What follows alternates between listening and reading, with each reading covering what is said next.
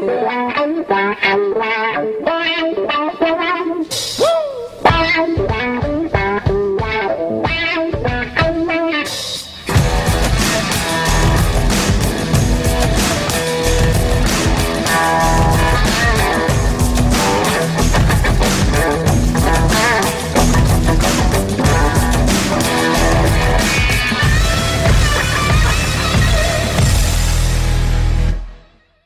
Welkom iedereen bij een nieuwe aflevering van Eindbazen. En uh, vandaag uh, gaan we een hele bijzondere uh, aflevering krijgen. En dan vind ik het mooie van het internet, dat je tegenwoordig met alles en iedereen in contact kan komen. En laten we vooropstellen dat uh, podcasten uh, is eigenlijk dat idee is geboren een aantal jaar geleden toen uh, Michel en ik regelmatig naar de Amerikaanse podcast luisterden. En eentje die mij heel erg triggerde, dat was er eentje met Graham Hancock. Graham Hancock is iemand, eigenlijk een journalist van origine, die eigenlijk helemaal in de Egyptische archeologie is gedoken. En daar eigenlijk een, ja, een behoorlijke boek over heeft geschreven, een hele mooie eigen mening erover had soms omstreden, maar ik vond het wel mooi dat hij daar helemaal was ingedoken. Nou, onlangs had ik een, uh, eenzelfde podcast over iemand die mammoetspecialist was. En ik, hey, dat is een mooi onderwerp over de ijstijd en over hè, hoe, hoe was het nou vroeger? En toen ging ik gewoon eens even googlen wat er in Nederland was.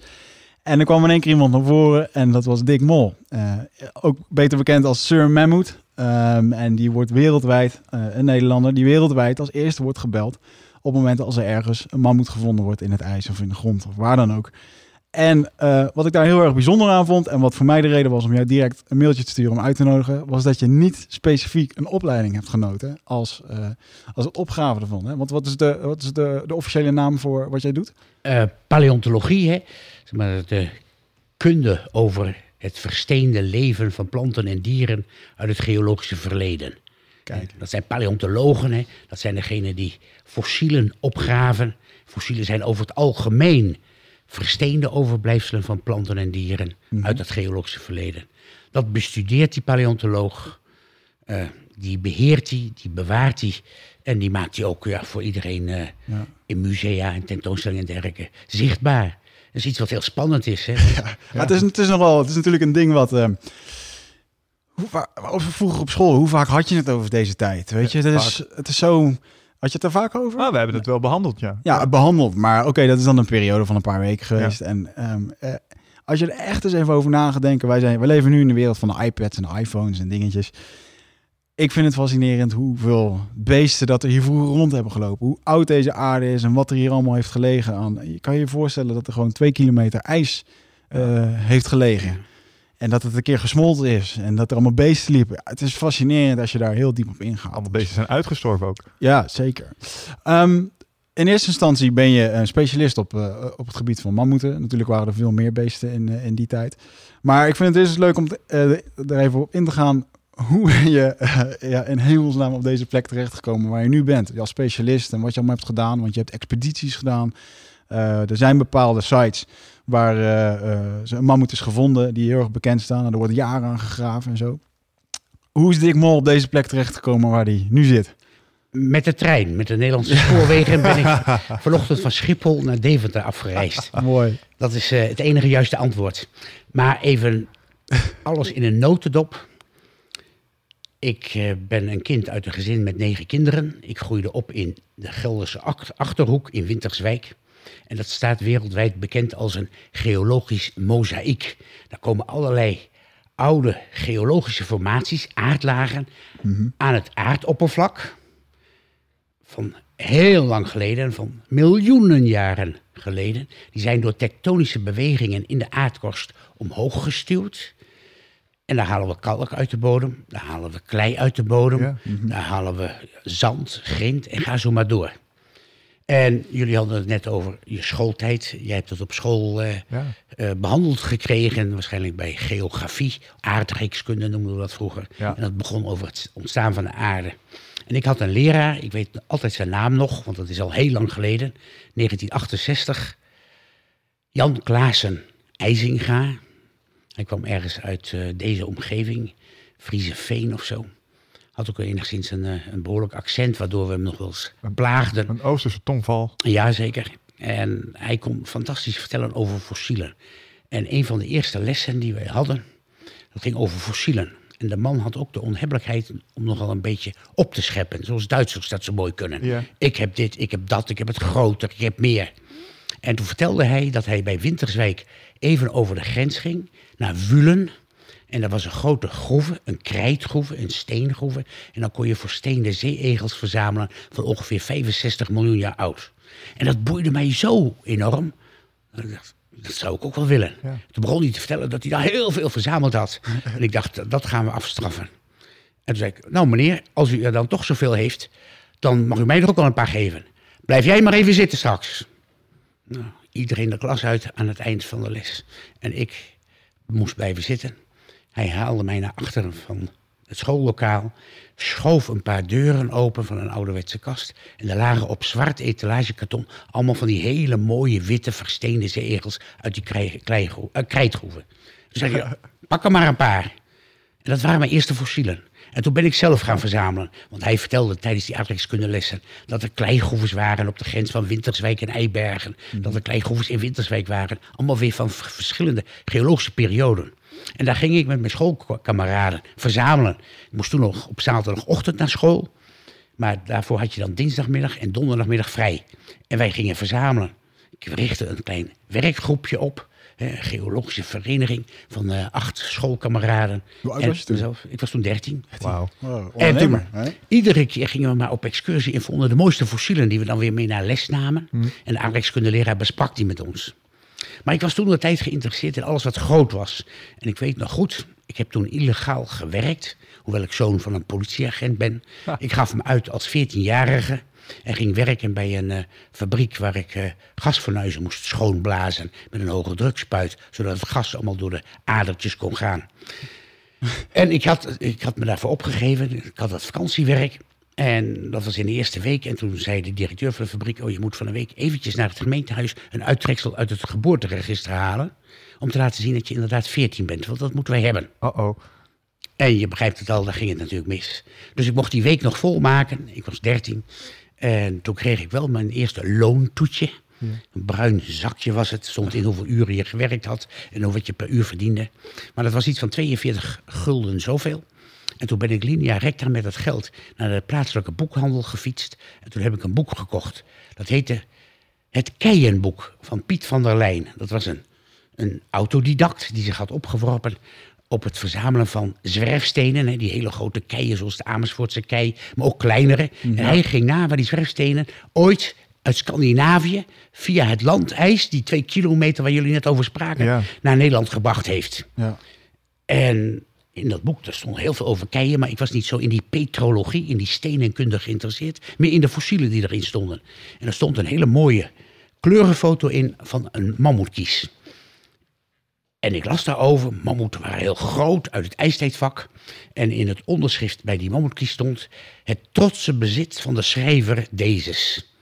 Dergelijke objecten treft men alleen maar aan in openbare verzamelingen... als geologische instituten en musea. Deze is opgevist uit, eh, of opgebaggerd uit eh, de eh, Lingen in Gelderland tijdens eh baggerwerkzaamheden. Ik dacht, dat zou ik ook wel willen. Dat willen wij Dat ook. kan ik ook. En iedereen zei van, dat is onmogelijk, want die mammoetkies zijn zeldzaam en zo. Nou, ik kan je vertellen, dat is allemaal gelogen. Daar klopt niets van. Want er is niet één land in de wereld, heb ik in die 45 jaar die ik daar nu mee bezig ben, vastgesteld, waar mammoeten zo massaal voorkwamen als in Nederland. Ongelooflijk. Maar Nederland zag er toen heel anders uit. Dan hebben we het over de paleogeografie, de paleo-aardrijkskunde. Nederland was veel groter. Want in dat ijstijdvak, het Pleistoceen, tussen 2,6 miljoen jaar en 11.000 jaar geleden, was de Noordzee er niet. Dat was gewoon droog land. Je Dus wanneer, wanneer geleden zei je? Hoe lang? Tussen 2,6 miljoen jaar en 11.000 jaar geleden.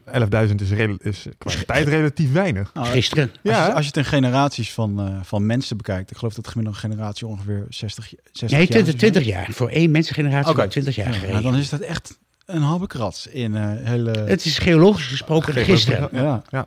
Ja. Oké. Maar goed, eh, Hoe typeerde het landschap zich? Eh, nou, op te beginnen was het heel wijds. Want van Engeland in het westen, de Britse eilanden, zal ik maar zeggen.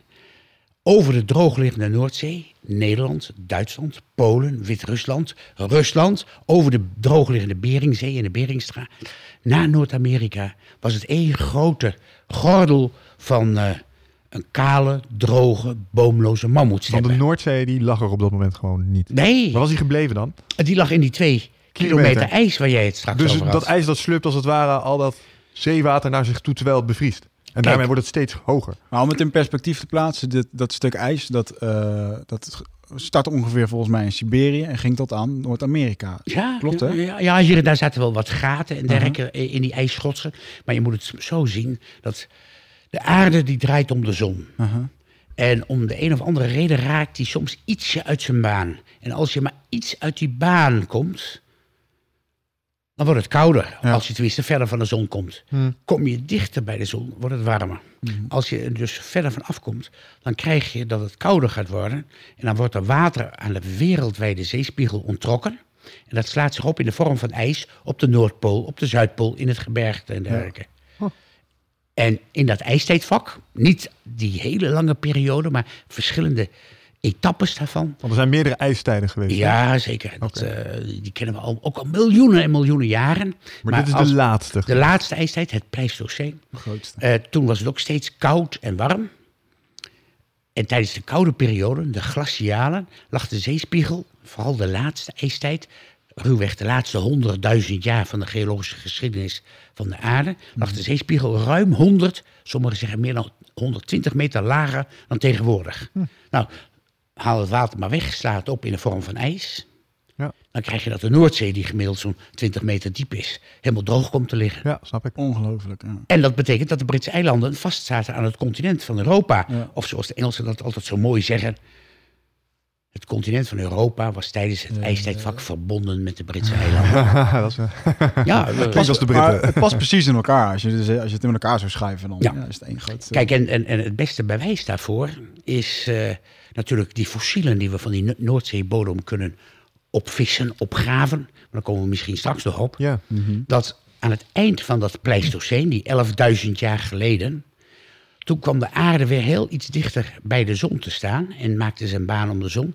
En toen ging de temperatuur stijgen. Gevolg van een temperatuurstijging is dat het ijs op de Noordpool, maar ook in de gebergten en ook op de Zuidpool, gaat smelten. Het smeltwater, dat vult laaggelegen gebieden op. En dat gaat natuurlijk heel langzaam. Maar tussen 11.000 en 8.000 jaar geleden is pas die Noordzee helemaal volgelopen. Wereldwijd ging die zeespiegel ruim 100 meter omhoog. Ja.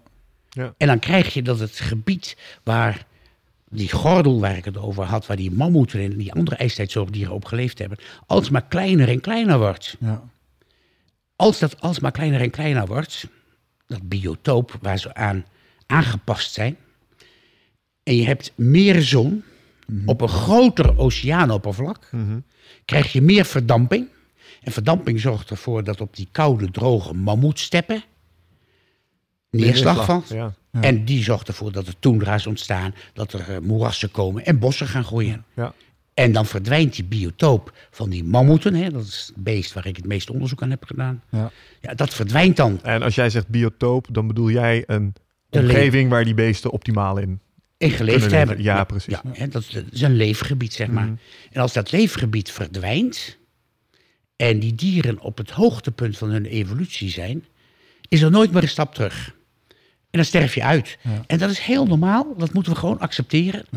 Daar moeten we niet zielig over doen. Dan moeten we niet doen alsof we Steven Spielberg zijn en eh, een eh Pleistocene Park willen gaan maken. Net als Jurassic, Jurassic Park. Park, ja, precies. Dat we dat willen gaan terugbrengen. Dat is eh Ja. klinkklare onzin. Dat is een natuurlijk proces, zeg je. Ja. Ja, helder verhaal. Ik vind het wel een. eh, eh, ik heb daar veel onderzoek over gelezen. Over ehm, eh, dat, dat de wereld bepaalde klimaat heeft gekend. Dat, dat, dat weten we allemaal. Eh daar praten we nu even over dit tijdperk. En wat daar. eh, er zijn veel verschillende theorieën over. Waarom ehm, er ineens zo'n snelle transformatie is geweest van klimaten. Waarom eh, bijvoorbeeld de mammoet dat evolutionair niet bij kon benen. En daarom is uitgestorven. En ehm, het onderzoek wat ik daarover heb gedaan, en ja, het is maar misschien een speculatie of een theorie, maar wat ik daarover las, eh, dat het hoogstwaarschijnlijk is geweest dat er ergens een meteoriet of een asteroïde heeft ingeslagen, wat eh, daadwerkelijk voor klimaatverandering zorgt. En voor de, voor de luisteraars die bedenken van ja, hoe, hoe gaat dat aan zijn werk? Ehm, als je niet precies weet eh, wat de impact van zo'n asteroïde kan zijn, bijvoorbeeld in Tunguska, Dat is in eh, Siberië in 1904 of in 1908 geloof ik. Ja. Daar is een meteoriet neergestort, eh dus 100 jaar geleden. En Mhm. ik vergelijk het altijd maar zo als ik het tegen vrienden vertel, van mij vertel, want het, is mijn passie, mijn vrienden vinden niks aan. Maar als je kijkt naar de maan, dan zie je die vol met kraters. En ik denk als je het laagje van de aarde eraf zou trekken, dan zie je precies hetzelfde. En om het in perspectief eh, te plaatsen, dat op het moment als je een kogel zou afvuren, dan gaat zo'n kogel 300 meter per seconde. En eh, die meteoriet die in Siberië is ingeslagen 100 jaar geleden, die kwam met een snelheid binnen die ongeveer eh 9000 meter per seconde kon Mm. zijn. Dat is gewoon echt super hard. En Ja. ook nog eens een keertje een oppervlakte had van 40 tot 60 meter. Ja. En dat is echt hard. En dan kun je er ook nog aan. Er zijn nog heel veel speculaties over van waar is zo'n meteoriet van gemaakt. Die kan bijvoorbeeld van een soort eh, broos steenmateriaal zijn, maar ook gewoon ijs, diamant, titanium ijzer, of wat dan ook. En de aarde geeft gewoon niet mee. Dus eh, op het moment als een meteoriet inslaat, dan heb je een kinetische inslag. Die is, die is volgens mij 100 keer, die was 100 keer groter dan de atoombom in Hiroshima.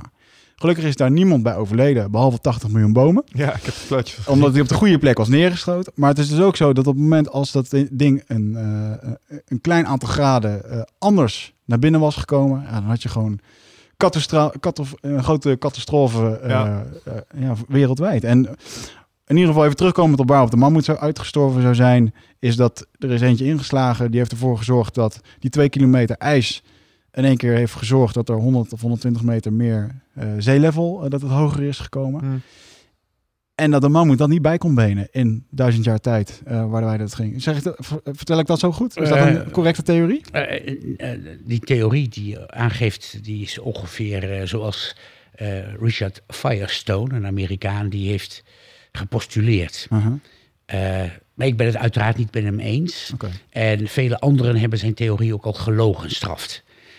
Als we het hebben over het uitsterven van de mammoet en de megafauna, hè, al die andere grote zoogdieren uit het ijstijdvak, zo ergens tussen de 20.000 en de 10.000 jaar geleden, als dat ijstijdvak zijn einde nadert.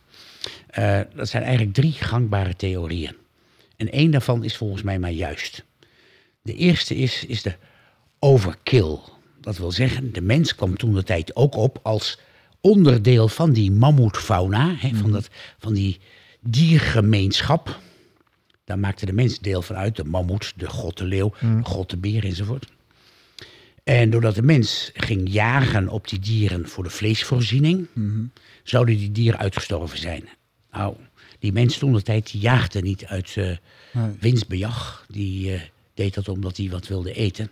En de mens was niet zo massaal dat hij die dieren heeft doen uitsterven. Nee, want een andere theorie die ik daarop hoorde inderdaad, en om dat te bekrachtigen, was inderdaad, er waren zo ontzettend, er waren nog 121 andere diersoorten die ook verdwenen zijn. Oh ja. Dus het zou onzin zijn dat we alleen maar mammoet, mammoet Ja. aan het jagen Ja. zijn, terwijl er ook andere beesten rondlopen. ja. En daar zijn er dus ook heel veel van eh, verdwenen. Ja. Eh, dus dat overkill, dat laten we maar even eh, voor wat het is. Er is een andere Amerikaan. Eh, want die overkill die kwam van eh, Martin en Klein. Dat waren twee Amerikaanse paleontologen die dat eh, enorm hebben uitgebreid en uitgezocht en uitgedragen. Ja. Ross McPhee van het American Museum of Natural History, die zegt van nou, nee, ik ben ervan overtuigd, er moeten ziekten geweest zijn, virussen en dergelijke, die die dieren massaal hebben doen uitsterven. Alleen daar hebben we tot op de dag van vandaag nog geen enkel bewijs voor gevonden. Nee.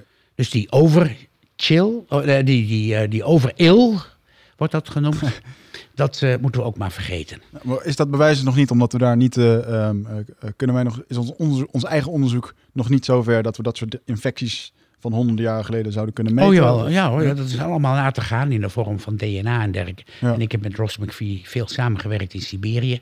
Hebben we allerlei potten bemonsterd, eh, gaten ingeboord met een appelboor... om er maar monsters uit te halen om op zoek te gaan naar virussen en dergelijke. Maar daar hebben we nooit wat van gevonden. Heeft, heeft eh, de, eh, want DNA is vrij recentelijk, zeg maar, zeker ook voor ons. Heeft, de, heeft die DNA onderzoeksmethode eh, jullie wereld weer een beetje eh, ehm, op zijn kop gegooid of eh juist bevorderd? Of? Nee, vooral geactiveerd zou ik willen zeggen. Want nu komen we bij de derde en de meest gangbare theorie over het uitsterven van de mammoet en de mammoetfauna. Mhm. En dat is wat we noemen overchill. Dat zijn de klimaatsveranderingen. Ja. Want we weten dat eh, eh, 11.000 jaar geleden het Pleistoceen aan zijn einde kwam. Het Holoceen, de tegenwoordige tijd, startte. Ja. En dat de, zon, dat de aarde dichter bij de zon kwam. Waardoor heel langzaam maar zeker de temperatuur is gaan toenemen. Ja. Dat kenden we ook al uit eerdere fases van dat Pleistoceen.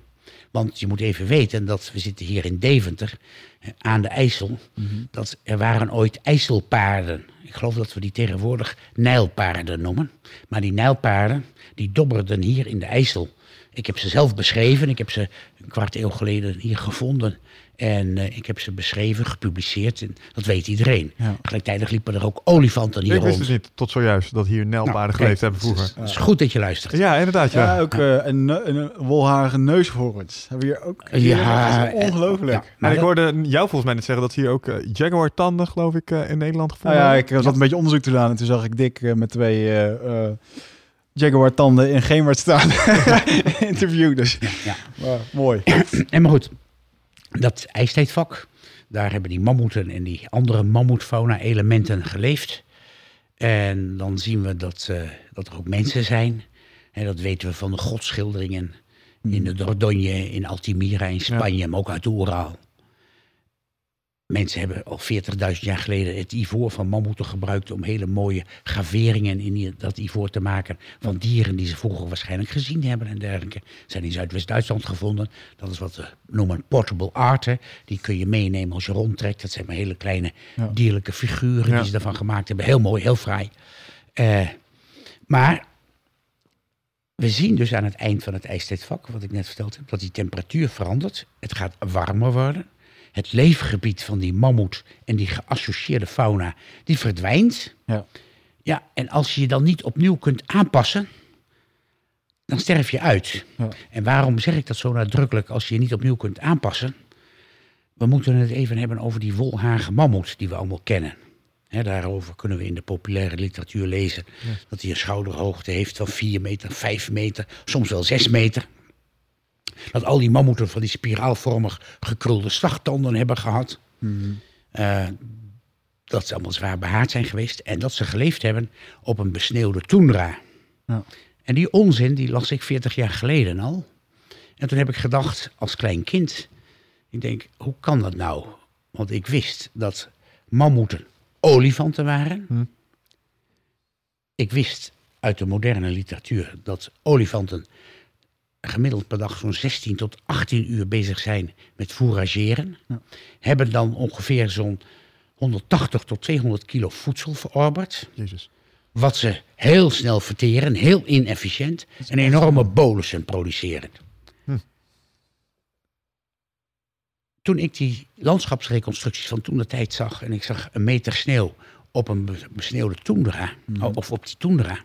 toen dacht ik van, dan kan dat toch niet... dat dat de biotoop, het leefgebied van dat beest geweest is. Want er is niks te vreten. Daar vind je geen 180. Kilo voedsel per dag. En, dan je al het je weet- niet voor miljoenen. Maar Nee, dan, eh, dan heb je het ook over, want het was een plant. Eh, ja, zeker. Het was een pure grazen. 180 kilo aan appels, is echt veel. Ja, Ja. dat is een boel, ja.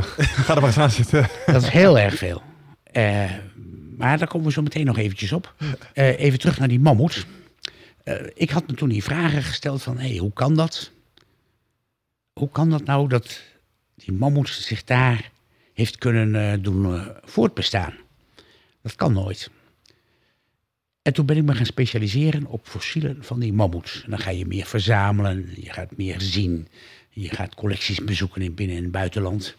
En dat mondde er eh, in uit dat ergens in de tachtige jaren was er een groot dierkundig congres in Rome. En ik had me voorgenomen om daar aan, mee, aan deel te nemen. Er komen 900 wetenschappers uit de hele wereld. En één amateur, dat was ik. En ik had me opgegeven dat als ik aan een congres eh, ja, meebetaal, dan wil ik daar ook wat vertellen. En toen heb ik een presentatie gedaan over overblijfselen van mammoeten die we hadden opgevist van de bodem van de Noordzee. En hun belangrijkheid, hè, hun importantie. Wat kunnen we daar nu van leren? Ja, want dat is nog wel een, een belangrijke bron voor fossielen momenteel. Hè? Ja. Dat wat wij op de Noordzee doen. Maar als ik je beluister, dan liepen ze daar vroeger ook letterlijk voordat het water terugkwam. Massaal. Dat is massaal. logisch, Ja, ja. Dat, eh, misschien hebben we het daar straks ook nog even over. Maar wat gebeurde er toen? Eh, ik had mijn voordracht gegeven. En dat ging onder andere over die wolhagenmammoet. Maar ook van langer terug, een paar honderdduizend jaar van zijn voorouder. En nog ouderen van ongeveer 2 miljoen jaar oud. Die we allemaal op hebben gevist van de bodem van de Noordzee. Die aangaven dat daar evolutie heeft plaatsgevonden. Want die verschillende soorten mammoeten. die hebben zich steeds weer opnieuw moeten aanpassen aan een veranderend biotoop. Na afloop eh, van mijn eh, presentatie was er een lunch. En toen klopte een Amerikaan op mijn schouder. En die zei: Dick, eh, ik ben Larry Eggenbrod. Ik heb een opgave van mammoeten in Zuid-Dakota, Zuid-Dakota in de Verenigde Staten. Wil je niet voor mij komen werken? Want ik ben onder de indruk van jouw verhaal wat je gehouden hebt. En jij hebt er verstand van. Dacht, nou, een mooi compliment. Maar ja, ik had al een baan. Ik werk voor de, voor de overheid. Ik ben douaneambtenaar van beroep. Ik zei, oh, ik heb al een beroep en eh, ik doe dat en dat. En, eh, nou, maar misschien af en toe eens een paar maanden. En dat ben ik gaan doen. En daardoor heb ik heel veel mensen ontmoet. Met name in Noord-Amerika. En toen ben ik me echt gaan specialiseren. Ik heb een gigantische bibliotheek opgebouwd van meer dan 10.000 publicaties. En ik verzamel natuurlijk overal als een soort Indiana Jones, waar je overal wat weghaalt. En dat bestudeer je, dat beheer je. Dat, ja, daar schrijf je ook eens boeken over en dergelijke. En dat ben ik gaan doen. En hoe moeten we nou die mammoet-evolutie zien? Dat alle slurfdragers, hè, die dieren met zo'n mooie slurf, die hebben allemaal hun ontstaan op het Afrikaanse continent. En de oudste mammoeten die we kennen zijn 5,2 miljoen jaar oud. Zijn ontstaan in het Plioceen. Ja. Maar mammoeten, dat zijn olifanten. En het zijn wij die die dieren in dat hokje plaatsen van de mammoeten. Ja. En niet in het hokje van de Afrikaanse olifanten. En niet in het hokje van de Aziatische olifanten. En de oudste die we hebben, die komen dus uit Afrika. Die zijn er ontstaan uit een andere voorouder. En toen zijn wij ze mammoeten gaan noemen. Dat waren pure loofeters, browsers genoemd. Dieren die zich voeden met bladeren, takken, twijgen van bomen en struiken. Als je dus die hele oude mammoeten vindt, dan moet de biotoop ook anders geweest zijn. Ja. Dat tonen ook andere dieren die gelijktijdig geleefd hebben met die oermammoet ook aan. Als we dat spoor van die oermammoet, hè, van zijn wieg, beginnen te vervolgen, dan zien we dat hij zich uitspreidt over het Afrikaanse continent. En dan komt hij zo rond 3 miljoen jaar geleden in het noorden van Afrika aan. Dan zit hij in Marokko, dan zit hij in Tunesië, in Libië, in Oost-Afrika, Kenia, Tanzania en dergelijke. En dan krijgt hij ongeveer zo'n 3,5 tot 2,5 miljoen jaar geleden in die tijdspanne, krijgt hij de gelegenheid, omdat de wereld er heel anders uitziet, om via het Midden-Oosten naar het noorden te komen. Richting Europa. Juist, en dan komt hij via Israël, de Levant noemen we dat, eh, Syrië en dergelijke. Komt hij dan Europa binnen, dan staat hij linksaf naar West-Europa en rechtsaf naar Azië. Ja. Mag ik daar een vraag over Ja, stellen? zeker. trouwens? Ehm, stel je bent een mammoet en eh, je vertoeft prettig in eh, Zuid-Afrika. Wat bezielt je dan als beest om het op een gegeven moment op een lopen te zetten naar het noorden? Is dat omdat je zo succesvol bent als soort dat er te veel op een vierkante meter zitten? Of verandert het klimaat? Of wat is er? Het is het klimaat. Het wordt alsmaar droger en droger, waardoor die bomen niet meer kunnen groeien. En dan verdwijnen ze en dan trekken ze. Want we moeten weten, olifanten, net als rendieren en zo, dat zijn migrerende dieren die Ja. steeds maar weer trekken en trekken. Een olifant legt 80 kilometer op een nacht af. Dat is niks voor zo'n beest. Op een nacht zeg je ook heel Ja, expliciet. zeker. Want ze 80 reizen niet overdag. Ze Ook, ook wel, Oh, maar, maar eh, dat is gemeten in de nacht. Dus vandaar dat ik dat maar even Ja, bij heb. Oh, zodoende. Maar dat is veel. Het is niet dat hij op en neer naar Os loopt vanaf hier. Nee. en, en we zien tegenwoordig nog steeds dat eh, olifanten uit Soudaan komen die migreren naar eh, Eritrea in Ja. het eh, regenseizoen. En als het regenseizoen voorbij is, gaan ze weer terug. Dat zijn ook browsers. Oké. Maar goed, hè, dus die, die verspreiden zich, komen dan in Europa aan. En dan die mammoeten, die hebben nog een gebit dat erop duidt dat ze een overgang zijn tussen een loofeter en een grazer. Dat gebit, wat dat doet een vertelt namelijk wat hij loofeter? geeft. Wat doet een loofeter precies? Bomen toch? Bomen, hè, bladeren, takken en twijgen van bomen en struiken. Ah, oké, oké, Een giraf is dus een... Eh, een browser. Ja. oké. Maar En een koe is een grazer. eh, ja, die eet alleen maar gas. En die mammoet, oh, was ook gras. Nee, Die zat de- in de- transitie als hoor Oh, sorry, sorry, sorry. de- deze snel, mammoeten, die eerste mammoeten, dat zijn loofeters. Ja, ja. oké. Die hebben waarschijnlijk ook nog grote oren gehad. Weinig beharing. Althans niet vergelijkbaar met die volharige mammoet. Het, is toch gewoon, het ziet er ook uit als, je, als ik hem zou tekenen. Zeg je, ja, maar dat is toch een olifant, geen mammoet. Maar dat zijn ook mammoeten. Ja. Dus we hebben die oermammoet. Die luistert naar de wetenschappelijke naam Mammutus subplanifrons. Verspreidt zich over Afrika. Komt dan via de Levant naar Georgië. Slaat af linksaf naar Europa en rechtsaf naar Azië. En die naar Europa komt, dat noemen we de zuidelijke mammoet. Maar dat is ook nog een, hoofdzakelijk een loofeter. Er is hier toen een savannebiotoop geweest. Graslanden die worden afgewisseld door boomgroepen en af en toe eens wat bossen en dergelijke. En die eet vooral die takken en twijgen van die bomen en struiken. Maar ook wel grassen. Ja. Daar was hij niet vies van. En die bezet dan heel Noordwest-Europa. In Azië ontwikkelt hij zich ongeveer gelijkwaardig. Krijgt ook kans om naar Noord-Amerika te komen via Beringia, dat is de droogliggende Beringzee en de Beringstraat. En zo verspreidt hij zich over het hele noordelijke halfrond. Dat is even uit, maar dat is daar bij Siberië zou je dan in principe de als je de Beringstraat pakt, dan kom je Amerika linksbovenin binnen, zeg maar. Ja. Ja, oké, ja. Ja, Alaska. Ja. Hè? Dat is eh, maar een, heel kort stukje hè, tussen Alaska en, eh, en Rusland. En waar ze ook graag oorlog willen voeren natuurlijk. Ja. Maar het is te koud, dus dat doen ze nog niet. Maar daar, daar zitten ze vooral. Ja. Of dat, tenminste, daar trekken ze dan bij een lagere eh, zeespiegelstand... trekken ze dan het andere continent in. Ja. Omgekeerd, misschien wel aardig om te weten... zijn er andere dieren die hun ontstaan hebben in Amerika... die komen ook over die Beringlandbrug Ja. naar Azië en Europa en Afrika. Dus die zijn elkaar halverwege ergens gekruist van, yo, wij gaan die kant op, jullie gaan die kant op. Ja, want als ik jullie vraag van waar komt eh, de kameel vandaan... dan zeggen jullie waarschijnlijk ergens Afrika of Arabië of zo. Ja, ik zou Midden-Oosten willen zeggen. Ja. Ja, maar die komt dus uit Amerika en die is via, via die Beringlandsbrug... Dat wist ik niet. Nee, weer wat geleerd. Jij dat? Zei het toch? Ja. Maar goed, die zuidelijke mammoet... die heeft zich over Europa verbreid... en Azië en uiteindelijk ook naar Noord-Amerika. En wat gebeurt er dan omstreeks een miljoen jaar geleden? Dat er weer een enorme klimaatsverandering optreedt. En dan krijg je dat die zuidelijke mammoet, omdat het kouder is gaan worden, de bomen gaan verdwijnen, zich moet aanpassen aan een veranderend biotoop, een ander leefgebied, ook ander voedsel. En dat En doet hij. Deze klimaatwijzigingen zijn ook weer mede ehm, een gevolg van de wisselende baan van de aarde. Ja, helemaal juist. Ja. Helemaal juist. En dat gaan we nog een aantal keren krijgen in het verhaal. Maar 1 miljoen jaar geleden vindt dat plaats. En dan zien we dat die savannebiotoop... die maakt plaats voor een koude, droge gassteppen. En wat doet die mammoet dan? Die zuidelijke mammoet. Die ontwikkelt een meer complex gebit. Hè, kiezen bij mammoeten die eh, eh, bestaan uit een aantal lamellen of platen. Die opgebouwd zijn van tandbeen, tandemaille. Samengekitst tot één groot geheel door middel van tandcement. Hè, die kunnen wel zo'n 40 centimeter lang worden. Dat was één tand. Eén kies. Ja, dat zijn kiezen. Tanden, dat zijn de slagtanden. Maar Ja. hier hebben we het over de kiezen. Oké, helder. En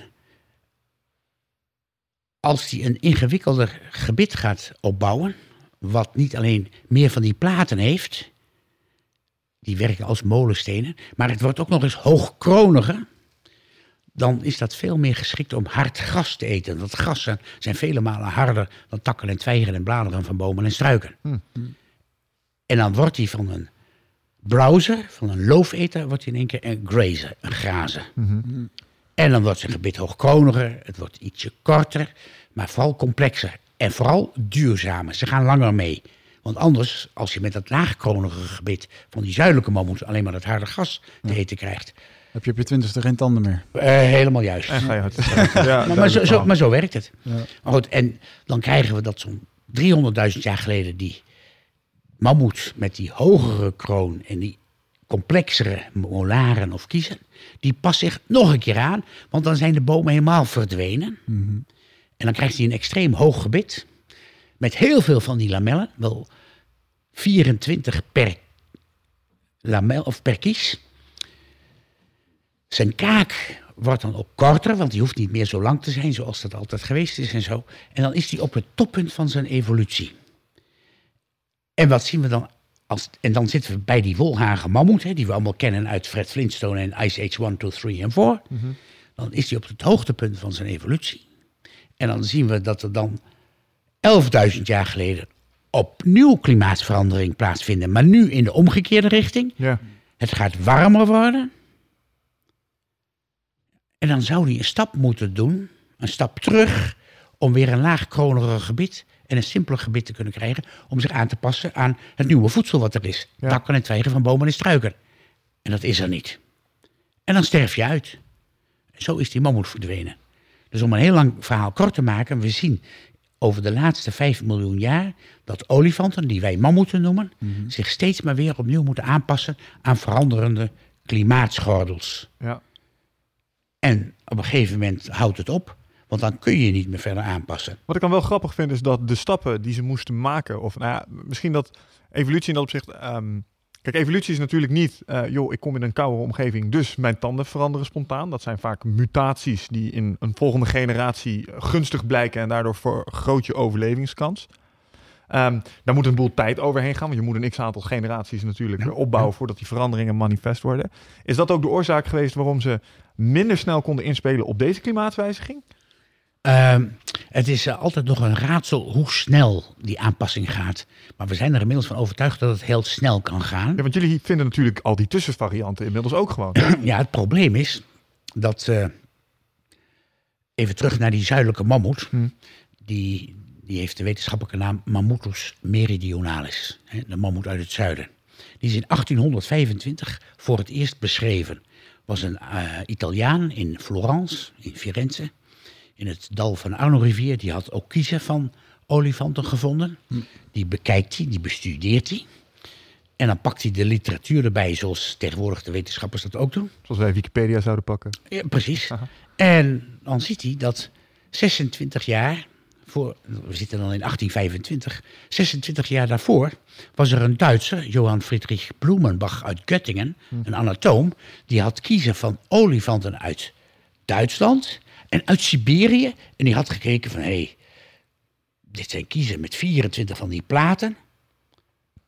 Dat moet een gaseter geweest zijn. Is geen Afrikaanse olifant, want daar had hij kiezen van. Is geen Aziatische olifant. Dit is een hele primitieve olifant. Die noem ik Mammutus primigenius. De eerstgeboren olifant. Maar die kwam dus uit Duitsland en uit Siberië. Dat is die volhagen mammoet. Ja.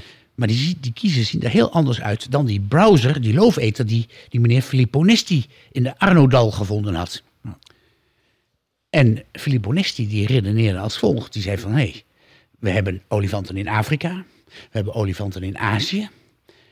We hebben olifanten in het noorden. Dat zijn die wolhagen mammoeten van meneer Bloemenbach. En nu heb ik iets, dat is iets nieuws. Dan noem ik dit, want het lijkt toch erg veel op een mammoet. Dan noem ik dit de zuidelijke mammoet. De mammoet uit het zuiden, want Italië lag aanzienlijk zuidelijker. En zo is die, dat beest aan zijn naam gekomen. Oké. Wat ik de hele tijd me afvraag eh, op het moment dat we het over mammoeten versus olifanten hebben, is wat is nou eigenlijk de verhouding tussen die twee? Want ze lijken familie van elkaar, maar dat ligt volgens mij iets genuanceerder als ik dit zo beluister. Ja. Hoe zit dat precies? Wat is, Nou- een, wat is een olifant van een mammoet of andersom? Eh, net zo goed als apen. En er zijn er heel veel verschillende soorten van, Aha. zoals je weet. En mensen. We hebben gezamenlijk eenzelfde voorouder. Juist. En dan moet je heel ver teruggaan in de tijd.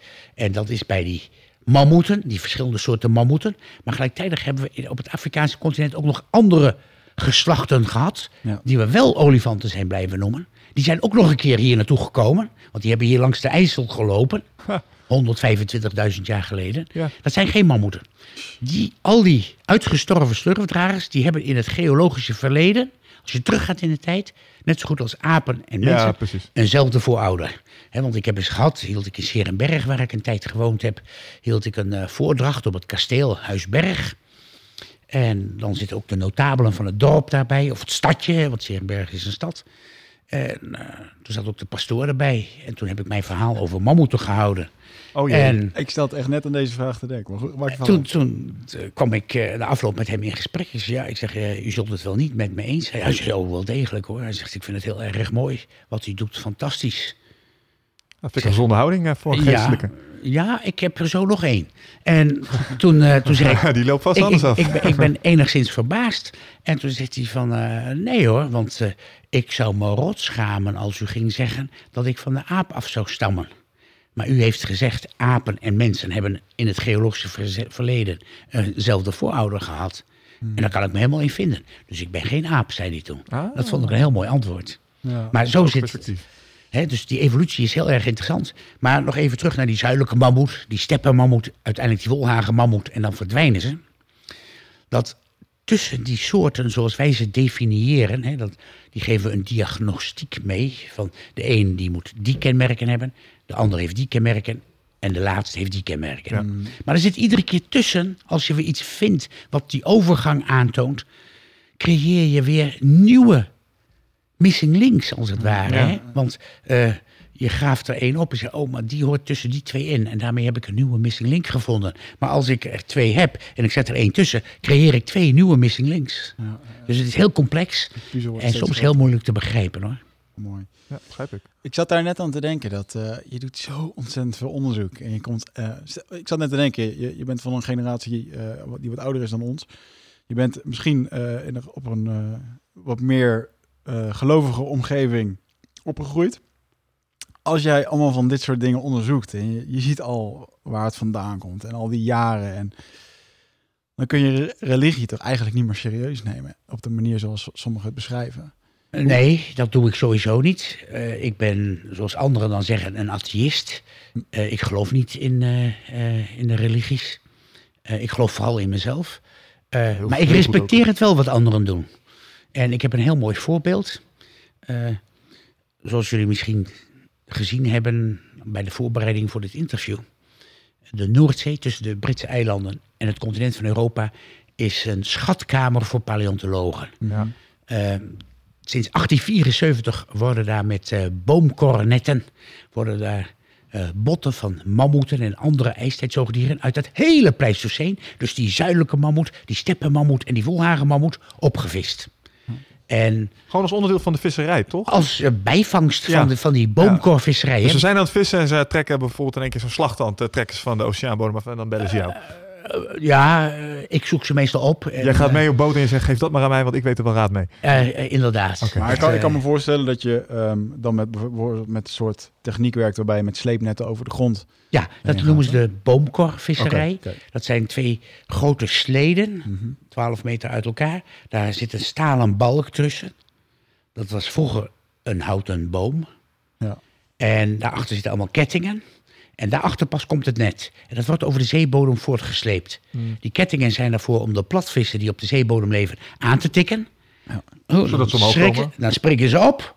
En dan komt het net en dan zijn ze gevangen. Maar als daar nu een kanon van Michiel de Ruiter ligt... of een pak verdovende middelen van de Lammy... hè, een schip wat ooit eh geënterd werd door de kustwacht... Ja. en toen snel alles overboord gegooid heeft...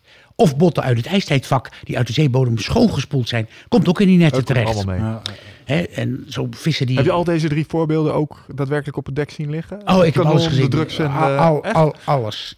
En dat is heel normaal, want je moet weten, vooral munitie. Hè, er is zoveel in die Noordzee ook gestort en zo. Ja. En dan komen er zulke bommen boven. Uit de Oh, Tweede. Wereldoorlog. En dan schrik je, want die staan nog op scherp. Oh. En die liggen langs jouw mammoetkarkas die helemaal intact is. Precies. Don't touch it! Maar goed, wat heb ik gedaan? Die, die, die Noordzee. Ik, ik had contact met vissers en ik werkte met ze samen. En ze gaven me niet alleen die zaken die ze opgevist hadden, maar ook nog de vindplaatsen, de coördinaten van de boordcomputer erbij. Ja. Zodat ik mooi op een kaart kon aantekening waar wat gevonden was. En toen dacht ik, ik zou ooit zelf eens een keer als eh, leider van een expeditie aan boord van zo'n schip willen staan. Ja. En ik heb eens eh, wat gewerkt voor Discovery Channel in Amerika. En toen had ik daar wat geld mee verdiend. Toen dacht ik van, Dat ik gaan we doen. weet niet, dat gaan we op de Noordzee doen. Toen heb ik een kotter gehuurd. Niet één, maar twee. Dat is heel kostbaar. En toen zijn we op de Noordzee gericht gaan vissen voor overblijfselen uit het ijstijdvak. En dat heeft eh Frans Trois in de, in de tijd eh, uitgezonden. Die, want die hebben de rechten van mij gekocht, zodat Oh, ik alles kon financieren. En eh, die hebben er een hele mooie documentaire over gemaakt. Die zijn een week lang meegeweest. Hebben we zeven dagen lang, 24 uur per dag gevist. En dat is heel zwaar werk, maar ook heel boeiend. Er komt van alles nog wat tevoorschijn. Wat was je mooiste vondst daar? Ja, ze zijn allemaal interessant. Hè, want mooi is. Ah, maar je hebt vast een juweeltje in je schatkamer Nee. liggen. Nee, helemaal Is is het allemaal even Nee, waardevol? oh nee, ik, ik vind een sesambeentje wat aan de achterkant van de middenhandsbeen erin zit. Een, een onogelijk potje wat maar zo groot is. Vind ik net zo interessant dan een compleet dijbeen wat anderhalve meter hoog is. Dus, Oké. Even voor de luisteraars, is die documentaire ergens terug te vinden? Staat die online of kunnen ze die eh, oh, ergens ik, opzoeken? ik kijk daar nooit aan maar vast wel. Maar het is Talassa die dat uitgezonden heeft. Ik dacht in 2001. Oké. En dat was een documentaire van een half, van 26 minuten. En dat gaat over dit vissen. Nou, ik weet dat als je op Dick Mol googelt, dan vind je een aantal documentaires waar hij wat mee gedaan heeft. Want dit is niet de enige documentaire waar je iets Nee. mee gedaan hebt. Er zijn er meer Oh, geweest, nee, volgens mij. Oh, heel erg veel. Heel veel. Ja. Ja, de, meest eh, de meest recente is eh, Eerste Kerstdag uitgezonden door het ZDF. Eh, die zijn vorig jaar een jaar lang met mij op reis geweest in Afrika, waar we die oermammoet opgegraven hebben. In Etosha, in Namibië. Eh, waar ik bijna opgevreten ben door de leeuwen tijdens het graven. Waar olifanten me verjagen omdat ik er aan het graven ben. Eh zijn met me meegeweest. wel? Ja, ja, ja. Mooi. En, en we zijn in, eh, in Canada geweest, in de Yukon, in de Klondijk, hè, waar de gouddelvers in goudmijnen werken, waar ik dan ook werk met gouddelvers. We zijn op de Noordzee geweest, hebben we gevist en zo. Ik begin inmiddels het Indiana Jones zinspeling begin ik wel te begrijpen, ja. Nou, ik, ik heb op een van mijn eh, eh, vragen hier staan. eh, Zo'n expeditie, net zo, inderdaad, je kijkt naar Indiana Jones, van die gaat dan ergens graven, allemaal Mm. avontuur. Mm. Eh, jij beschrijft het nu ook heel erg snel. Maar stel nou, wij gaan een expeditie plannen. Hoe gaat dat te werk? Want volgens mij gaan daar maanden in zitten. Je doet er nu als het, uh, we hebben toen een boot gehuurd en we gingen vissen. En, eh, eh, maar Nee, het is een enorme voorbereiding natuurlijk. Eh, die van Namibië, die ik vorig jaar gedaan heb in Etosha. Etosha is een heel groot natuurpark. Daar mag je niet zomaar in. Nee. Daar heb je speciale vergunningen voor nodig. Het is een soort spergebied. Hè. Waar ligt het? Eh, in het noorden van eh, Namibië, Ja. in Zuid-Afrika. Oké. Eh, daar waar een Ekuma-rivier naar binnen komt. En dat is een heel groot opgedroogd meer. De Etosha Pen heet dat. S- Alles is wit, zover als je kijken kunt. Het is een zoutmeer geweest. Ja. En op die oevers van dat drooglerende meer... daar had een Franse paleontoloog wat kleine botjes gevonden. En die had nogal veel fantasie, om het zo maar te zeggen. En dacht, ik heb hier een mammoetskelet. Want er zat ook iets van een mammoet, van die oermammoet bij. Maar dat wist hij op dat moment nog niet. En die wilde dat er graag uithalen. En toen, hij, ik ken hem goed. Hij had daar geen zin meer in, hij is wat ouder. En eh, hij belde mij op. Hij zegt, eh, Dick, moet je luisteren. Ik heb in Namibië, heb ik eh, vermoedelijk een skelet van ja, een olifant gevonden. Dat moet ergens eh 4, 5 miljoen jaar oud zijn. Ik ga het er niet uithalen. Ben jij daar niet in geïnteresseerd? Ik zo, dat klinkt eh, veelbelovend. Eh, wie weet is dat wel die Mammutus supplanifrons, die oermammoet, hè, waar de wieg van de mammoet aan heeft gestaan. Ik ben er wel in geïnteresseerd. Ik ik ga dat voor je doen. Ik zeg, maar dit jaar niet, maar volgend jaar. Nee, geen enkel probleem. Ik zeg, maar dan moet je wel mee. Ja, geen enkel probleem. En toen had ik natuurlijk een groot probleem, want dat moet gefinancierd worden. Hè. Ik kan dat niet alleen, daar heb je wat mensen voor nodig. Ja. Je hebt tenten nodig, je moet al je equipment uit Europa meebrengen, enzovoort, enzovoort. Je hebt auto's nodig. Je weet niet hoe lang het gaat duren, je weet niet wat het op gaat leveren. Over wat voor, even recht toe recht aan, over Ja. wat voor kosten praat je voor een eh, expeditie om dat goed uit te kunnen voeren? in dit geval iets van eh 40, 50, 60.000 euro. Voor hobby, hè? mammoet. Ja, voor één één skelet, mammoet, terwijl er ja. honderd in de. Noordzee liggen. Maar als het dat is wat ik vermoedde, dan hebben we iets wat nog nooit opgegraven is. Ja, en dat is iets waard natuurlijk. Want die, die supplanifrons waar ik het over heb, daar waren uitsluitend kiezen van bekend. Daar is nooit een skelet van opgegraven. Maar goed, ik had een probleem. Alleen ik had ook het geluk van de wereld, want het jaar daarvoor, dan hebben we het over 2013, had ik voor de ARD in Duitsland en voor Arte, ook in Duitsland en Frankrijk, had ik twee documentaires gemaakt op de Noordzee. Die hebben zij met mij gemaakt, moet ik zeggen. En Veel in Duitsland, eh, hoor ik. ja, Amerika, Engeland ook heel veel. Ja. Maar eh, Duitsers werk ik zo graag mee samen, want die houden zich altijd aan hun woord. Strikte is puntelijkheid. Ja, ja. vandaar nu ook het probleem met Griekenland. Hè. Schäuble, daar heb ik groot respect voor. Die moeten die Grieken die ons aan het oplichten zijn eh, en ons uitlachen, eh, die moet hij gewoon aan hun afspraken houden. Ja. Maar goed, Kleins. Ja, even. die, eh, die, Klein. die, die, eh, eh, die Duitsers, daar had ik die twee documentaires meegemaakt. Had ik vroeger ook al eens wat meegedaan. En toen zag men dat bij het ZDF. Het ZDF, dat weten jullie misschien, is het grootste televisiestation in Europa. Ja. hè? Groter dan de BBC. Dat wist ik dan wist ik ook Nee, niet. maar, Nee. nee, maar als ze de grootste zijn, dan moet dat wel. Hè? Ja. Maar is zo. En die hadden dat gezien, althans de baas die erover gingen. Waarom hebben wij die hermolen niet? En toen kreeg het productiebedrijf opdracht om te vragen of ik met hun nog eens een documentaire zou willen maken. Maar dan van een uur. Want die voor ARD was zeven minuten in een Ja. programma. De andere was 26 minuten bij Arte. En ze wouden dan toch wel iets langers. En eh, Moest je even over nadenken. Nee, die man, die, man die, van het productiebedrijf, die belde mij op. Een week nadat eh, de Franse paleontoloog mij opgebeld had. En die zegt, Dick, we hebben het probleem. We hebben dat en dat eh, vorig jaar met je gedaan. Eh, nou wil het ZDF ook iets. Heb je nog iets bijzonders wat je gaat doen? Ja, ik zeg, we kunnen nog een keer de Noordzee opgaan. Ja, nee, dat moest er sowieso in. Ik zeg, eh, ik ga werken in Canada. In, ik heb daar een goudmijn en daar ga ik geen goud uithalen, maar fossiele botten. Oh, interessant. En ik zeg, en ik ga in Namibië nog een mammoet opgraven. Wat, in Namibië? Daar komen toch geen mammoeten voor? Zeg, wel. En ik heb hem dat verhaal uitgelegd wat ik jullie net ook verteld heb. Ja.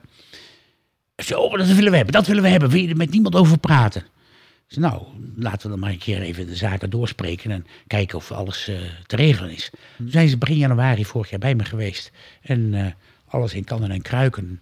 Ze zijn de hele wereld met me over gereisd. En in Namibië hebben we dit gedaan. En daarmee was alles gefinancierd. Want de Duitsers die hebben netjes een tentenkamp voor ons laten bouwen. Door een Duitse ondernemer in Namibië. Want Namibië was natuurlijk Ja. de uh, Duitse. Eh, spreekt ook iedereen Duits. Perfect om te werken. Dat is wel handig. ja. Bewakers erbij. Want je moet. Ja, want dat vroeg ik me af. Eh, Loop, kom je dan ook wel eens echt in eh, situaties naar... Je hebt al verteld, je bent wel eens door eh, eh, leeuwen. Ja. Eh, die heb je wel eens van dichtbij meegemaakt. Weggejaagd door olifanten. Ja. Ehm, nou, ik kan me voorstellen, ik weet niet hoe stabiel Namibië is, maar ik heb toch altijd zoiets als je richting Afrika gaat, dan kom je soms ook in contraien waar ze politieke eh, instabiliteit hebben. En dan lijkt het me wel handig om een paar dudes met EK's bij je te hebben. Ja. Ook in Nou, dat soort situaties? Nee, nee, nee, nee, nee, nee. nee. In eh, Namibië is een buitengewoon geciviliseerd land. Hè. Er wonen maar 1,2 miljoen mensen. Oké. is een ex-kolonie van Duitsland. Hm. De infrastructuur is zoals de Duitse autowegen. Eh, het bestuur, de gebouwen, alles is een eh, buitengewoon goed georganiseerd land. En erg rijk, want jullie hadden het straks even over meteorieten. Eh, in Windhoek, de hoofdstad van Namibië, daar liggen eh, op straat, Diamanten. op zu- zuilen liggen meteorieten van dit formaat. Ik denk, ik neem maar eentje mee. Hè. Dat mag dan wel niet, maar ach, eentje als verzamelaar. Maar ja, je butst toch niet op. Je hebt er eh, een vrachtauto en een Er kraan liggen daar dus een ongelooflijke hoeveelheid meteorieten op straat. Of Ja, maar die hebben ze daar tentoongesteld. Dat is, eh, Namibië is bekend vanwege zijn eh, meteorieten. Hm. En dan natuurlijk diamanten. Ja. Ja, het is een heel, heel mooi land. Maar het is wel gevaarlijk. Je hebt allerlei vergunningen nodig, want je gaat niet zomaar ergens heen. Dus je moet werken, samenwerken met de lokale bestuurders, met het museum uit Windhoek, met de, de, de parkservice. Hè. Eh, je hebt overal je hebt vergunning nodig om dat te graven, om het te mogen rijden met je auto, want er komt echt geen mens. Nee. Waar ik geweest ben, daar was in 100 jaar geen mens geweest. Zo. Een paar Duitsers in de tijd, toen hebben ze het gesloten. Hè, dat is een natuurgebied, daar mag niemand komen. Ja. En daar hebben we vergunning voor gekregen. Eh, met die mensen moet je allemaal samenwerken. Eh, je moet rangers huren met eh, die geweren of die Ja. Kalasjnikovs en zo om beesten weg te jagen. Want ja, daar lopen de hyena's en de leeuwen gewoon rond. Ja, bijzonder. Die hebben daar eigenlijk die niet zoveel contact met mensen, dus die zullen er ook niet. eh, Nee, dat is, Zo- echt, dat is echt nog de wildernis. Ja, want we hebben allemaal het idee dat die wilde dieren bang voor ons zijn, maar voor zo'n wild dier, ja, die bijt je gezicht eraf hoor, als het er daar eh, erop aankomt, toch? Ik bedoel, het, is een, eh, het blijft een wild dier. Echt wild, Eh, zeg maar. En als die honger heeft, dan zijn ze onaangenaam. Ook olifanten hoor. Ja, ja, ja zijn Ja, geen ja, ja, en zo. Ja, goed, Ja, dat maar dat is vind ik nog wel grappig, want daar zat ik net aan te denken toen je zei... ik ben weggejaagd door een paar olifanten terwijl ik Ja. aan botten zat. Ja. Eh, nou weet ik toevallig van olifanten, en dat maakt olifanten bijzonder ten opzichte van Ja. andere zoogdieren, is dat ze één, eh, zelfbewustzijn lijken te hebben. Dat wil zeggen, als jij een olifant voor een spiegel zet en jij schildert een vlek op zijn voorhoofd, dan heeft hij in de gaten dat dat bij hemzelf is. Dat kan hij onderkennen en dat kan niet elk dier. Als je een kat voor een spiegel zet, heeft hij niet in de gaten dat hij het zelf is. Hm. Zeg maar zijn kat voor een spiegel. Dat, Ja, die dat kijkt is wel een hilarisch. beetje... Ja, die Ja? denkt wel, wie is dat in mijn territorium? Die kan dat Oh. niet zien. Een olifant weet, dat ben ik. Dolfijnen kunnen dat ook. Ehm, en wat olifanten ook hebben, is die hebben respect voor eh, overleden soortgenoten. Met andere woorden, je hebt iets als olifantenbegraafplaatsen. En olifanten treuren ook om hun gevallen familie. Ja, Ja. ze komen terug. En, eh, Ja. In eh, Thailand heb je een, eh, het olifantenfestival. Waarin die olifanten dan één keer per jaar, eh, volgens mij is het het noorden van Thailand, bij elkaar komen. En waar eh, genoeg beschrijvingen zijn van beesten die eh, als jonkies uit elkaar zijn gehaald. eh, van dezelfde troep die elkaar na 40 jaar weer zien en elkaar daar gewoon herkennen. Ja. En eh, ik hoef jou denk ik niet te vertellen over hoe bijzonder dat zulke Nee. beesten kunnen zijn. Eh, ik vind dat heel bijzonder. Had dat daar iets mee te maken? Of was het gewoon toevallig, joh, ik ben groot olifant en jij stoopt op mijn Nee, voet- nee, nee. Wat het was, dat eh, wij hebben, dus, hoe gaat zo'n opgraving? Hè? Je begint niet zomaar te graven. We zijn eh, naar de Ekuma-rivier en de Etosha-pen geweest. Daar waar op de oever dan dat skelet zou moeten liggen. Daar is nog een beetje water. Eh, een, ja, een, een riviertje wat echt aan het opdrogen is, maar een riviertje dan een paar, paar honderd meter breed natuurlijk. Mhm. En dan moesten wij iedere keer doorheen waden om bij onze vindplaats te komen. En dan staken we daar de rivier over en dan moesten we nog zo'n anderhalve kilometer langs die andere oever naar de vindplaats, waar we het op een gegeven moment ontdekt hebben. Dan zet je dat af met eh, afzetlint. Je maakt mooi vierkante meters, want we tekenen alles in wat we vinden en dergelijke. En daar graaf je dan. Maar ja, de hyena's en de leeuwen die daar s'nachts rondlopen, die trekken zich niks van het afzetlint af, die lopen daar doorheen. Maar goed, het ergere kwam dan dat we dat skelet inderdaad gevonden hebben, bijna compleet. Met botten die anderhalve meter lang zijn. Helemaal versteend, hè.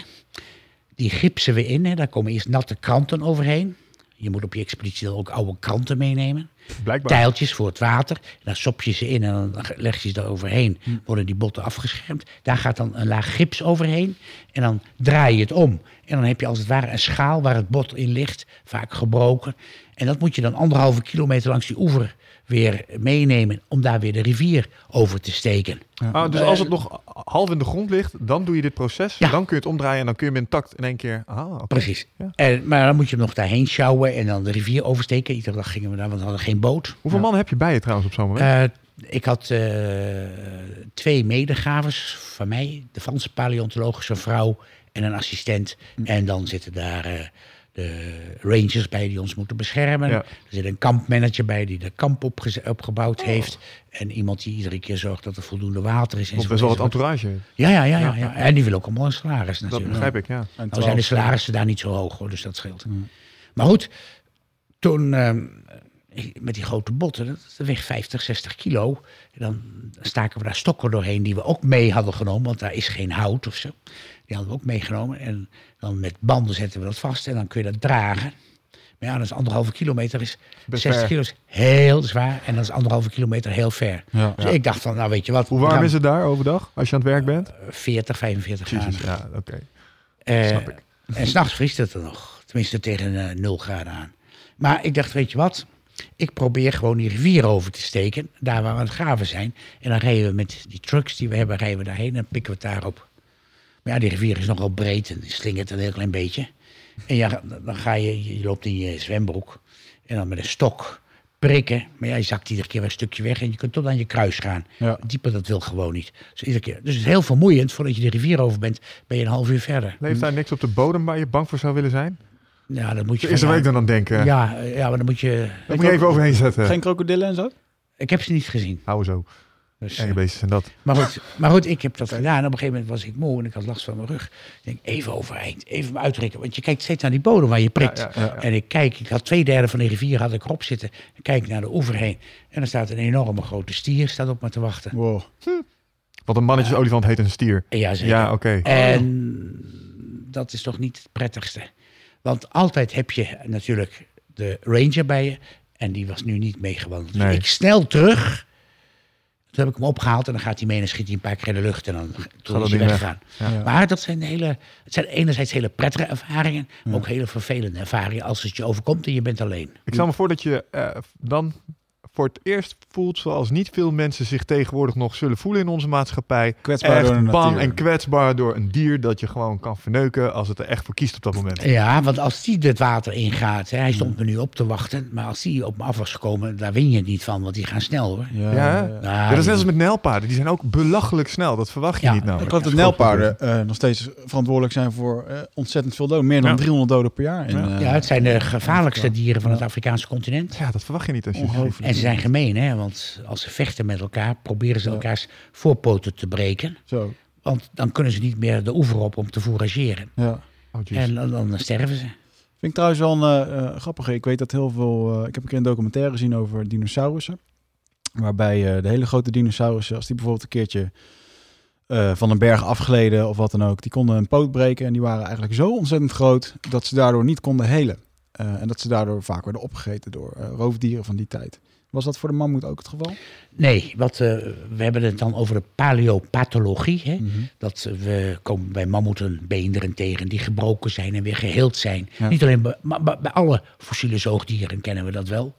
Eh, ik heb verschillende beenderen die eh, weer geheeld zijn of kiestes hebben gehad of ontstoken zijn en helemaal vervormd zijn. En dan ziet, als je ernaar kijkt, dan doet het gewoon pijn, want het beest moet dan enorm eh, eh, geleden hebben. eh, Dat moet vreselijk pijn zijn geweest, want je ziet de push-uitgangen hè, waar de etter uitkomt en zo. Dat zie je allemaal nog zitten. En zo. Dat is echt onvoorstelbaar.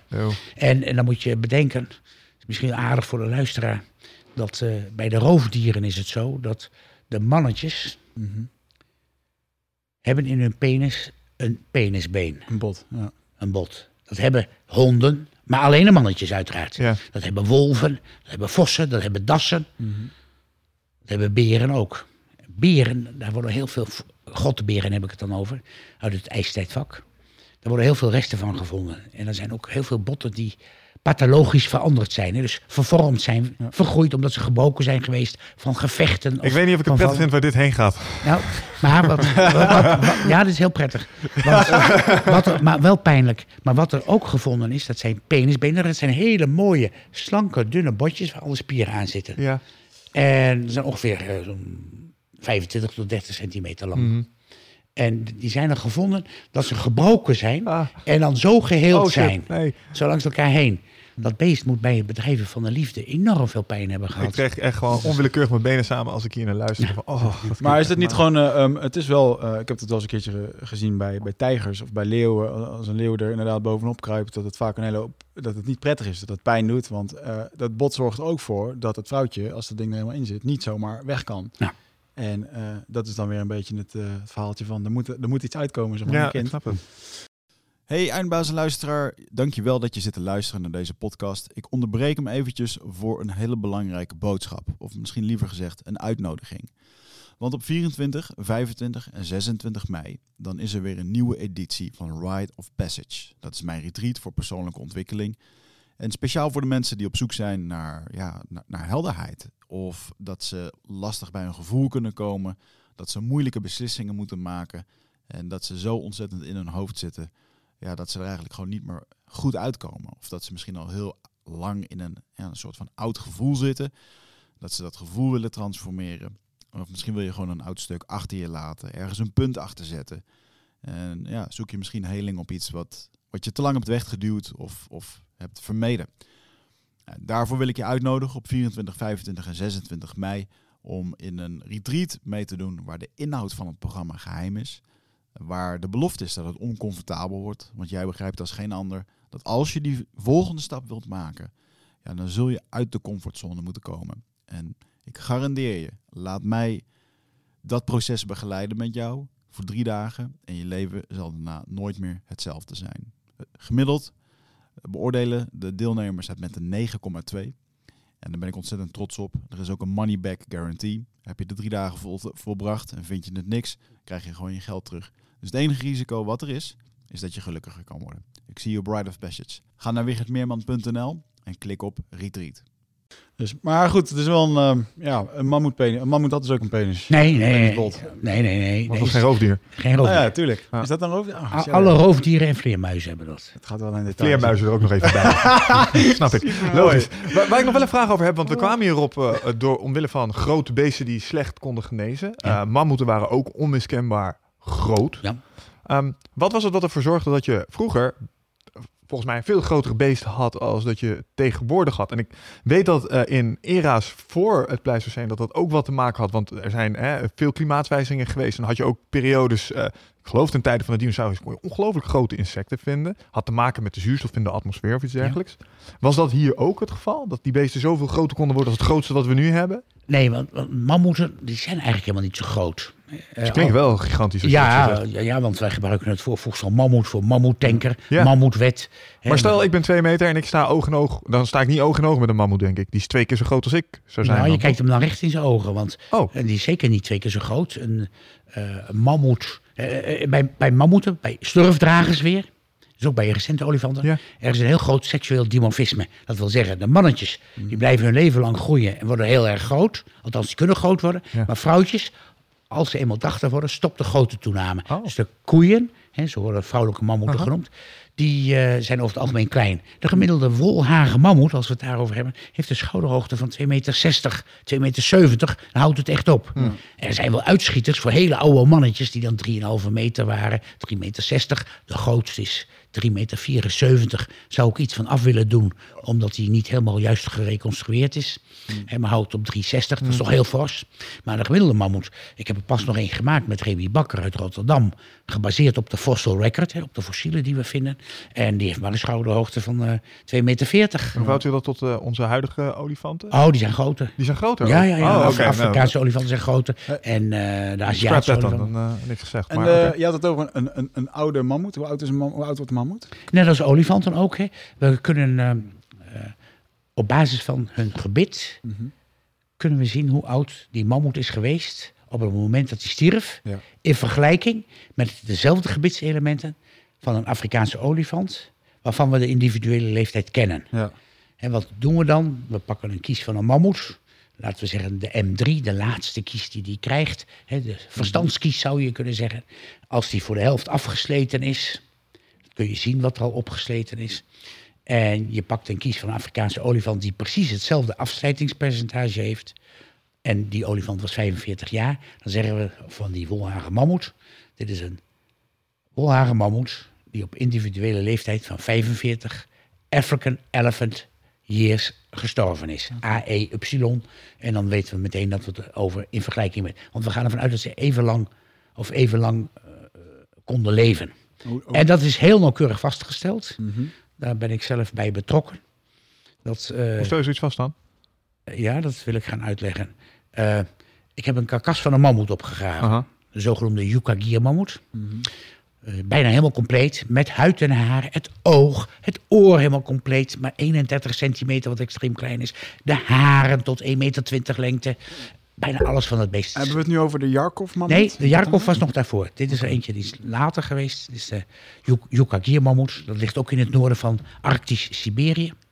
Uit die eeuwig bevoren bodem gehaald. En ook met de kop helemaal, helemaal compleet.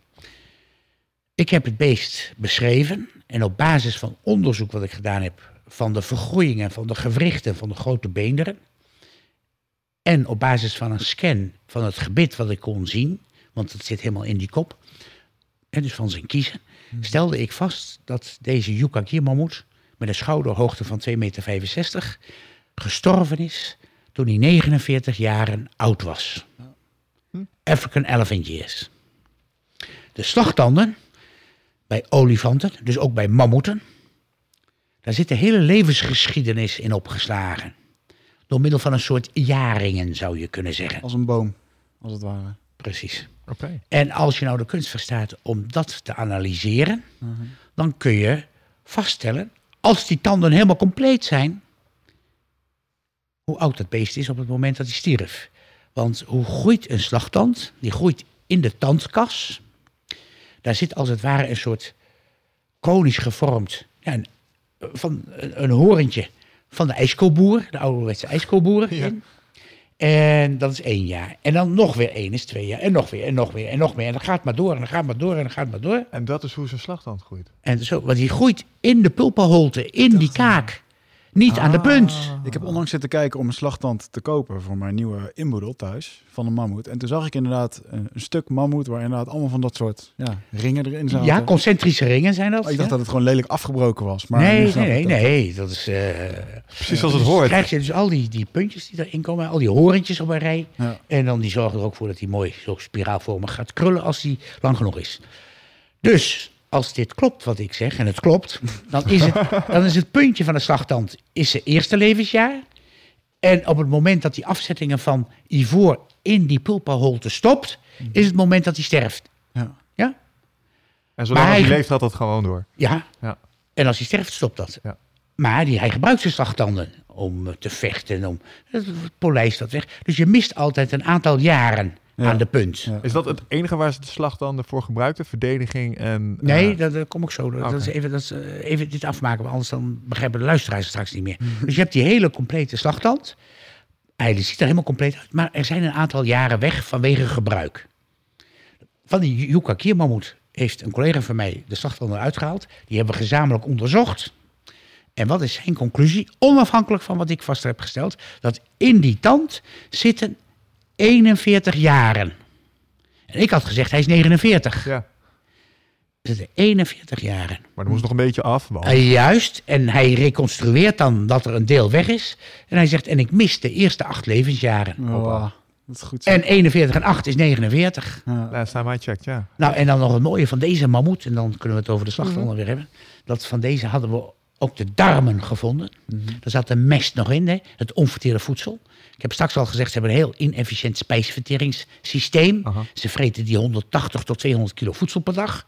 En als je dan die bolussen, die zo groot zijn, als je die doorbreekt, kun je met het blote oog zien wat ze gegeten hebben. Zo. Dat is helemaal onderzocht.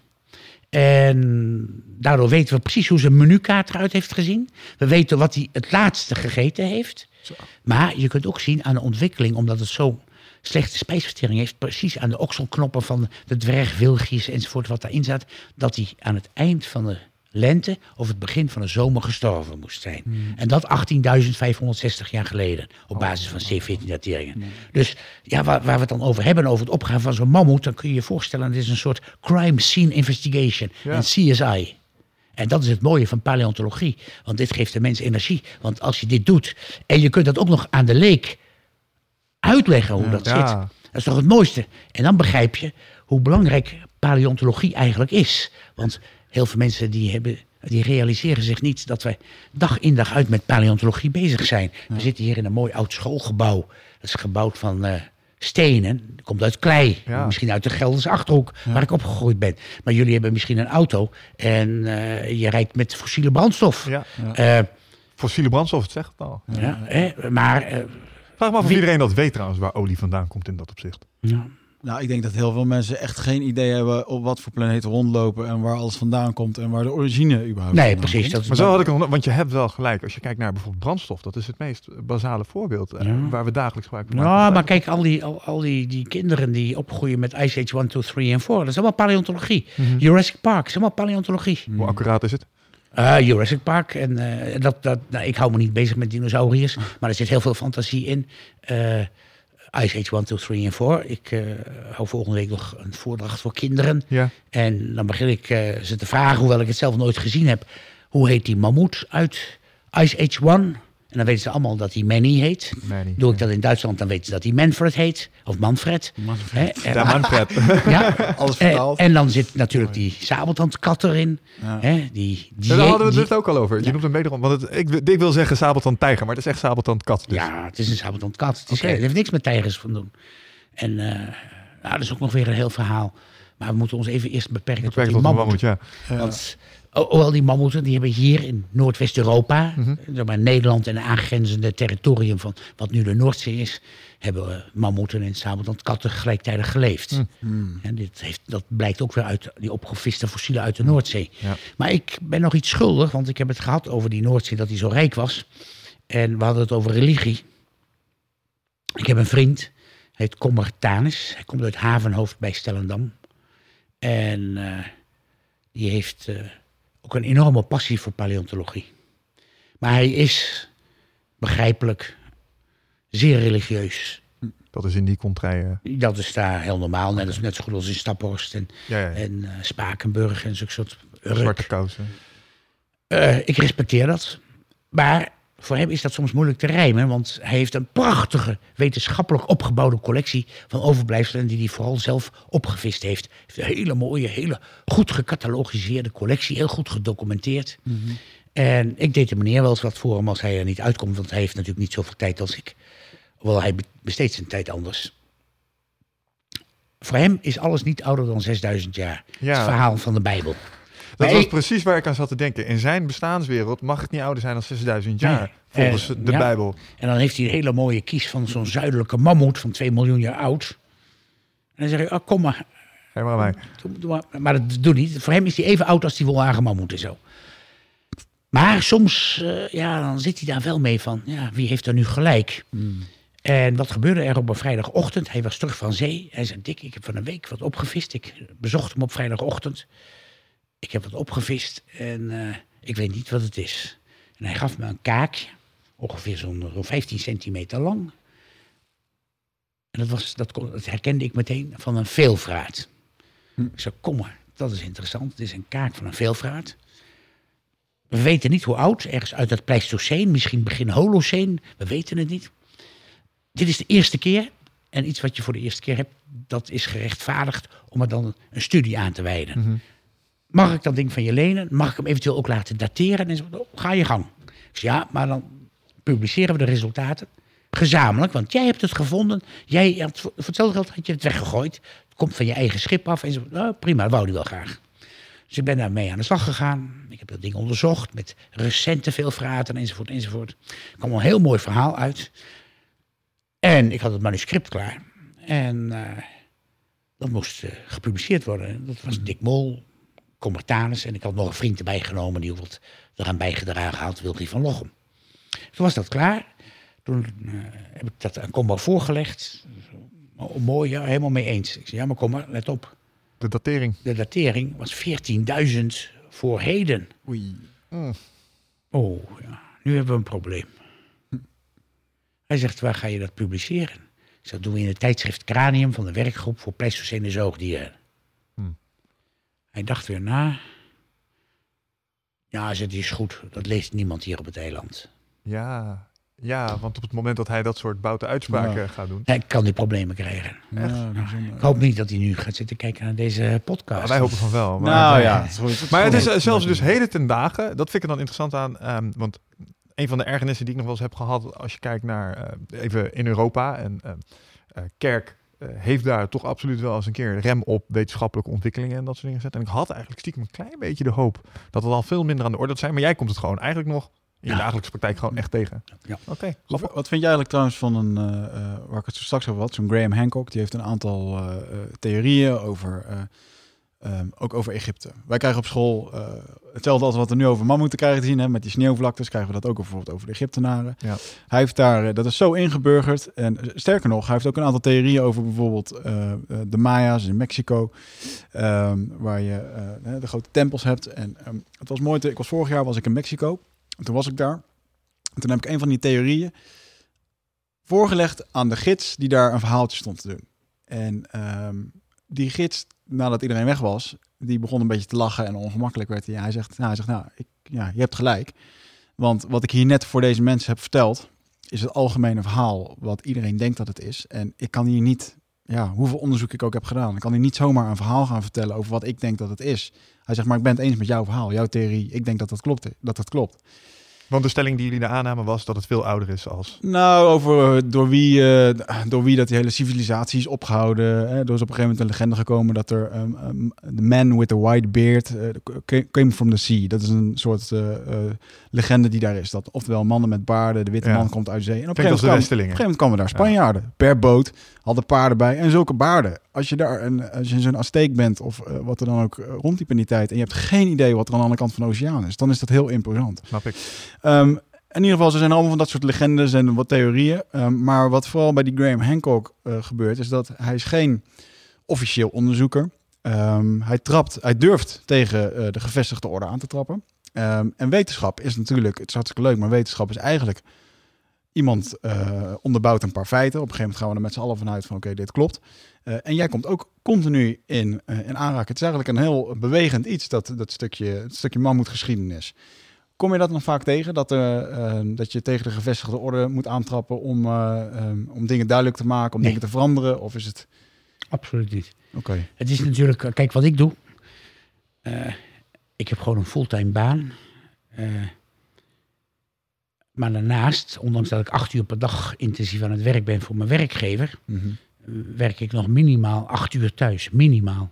En dag in dag uit. Ik ben nog nooit op vakantie geweest, maar ik reis wel veel hoor.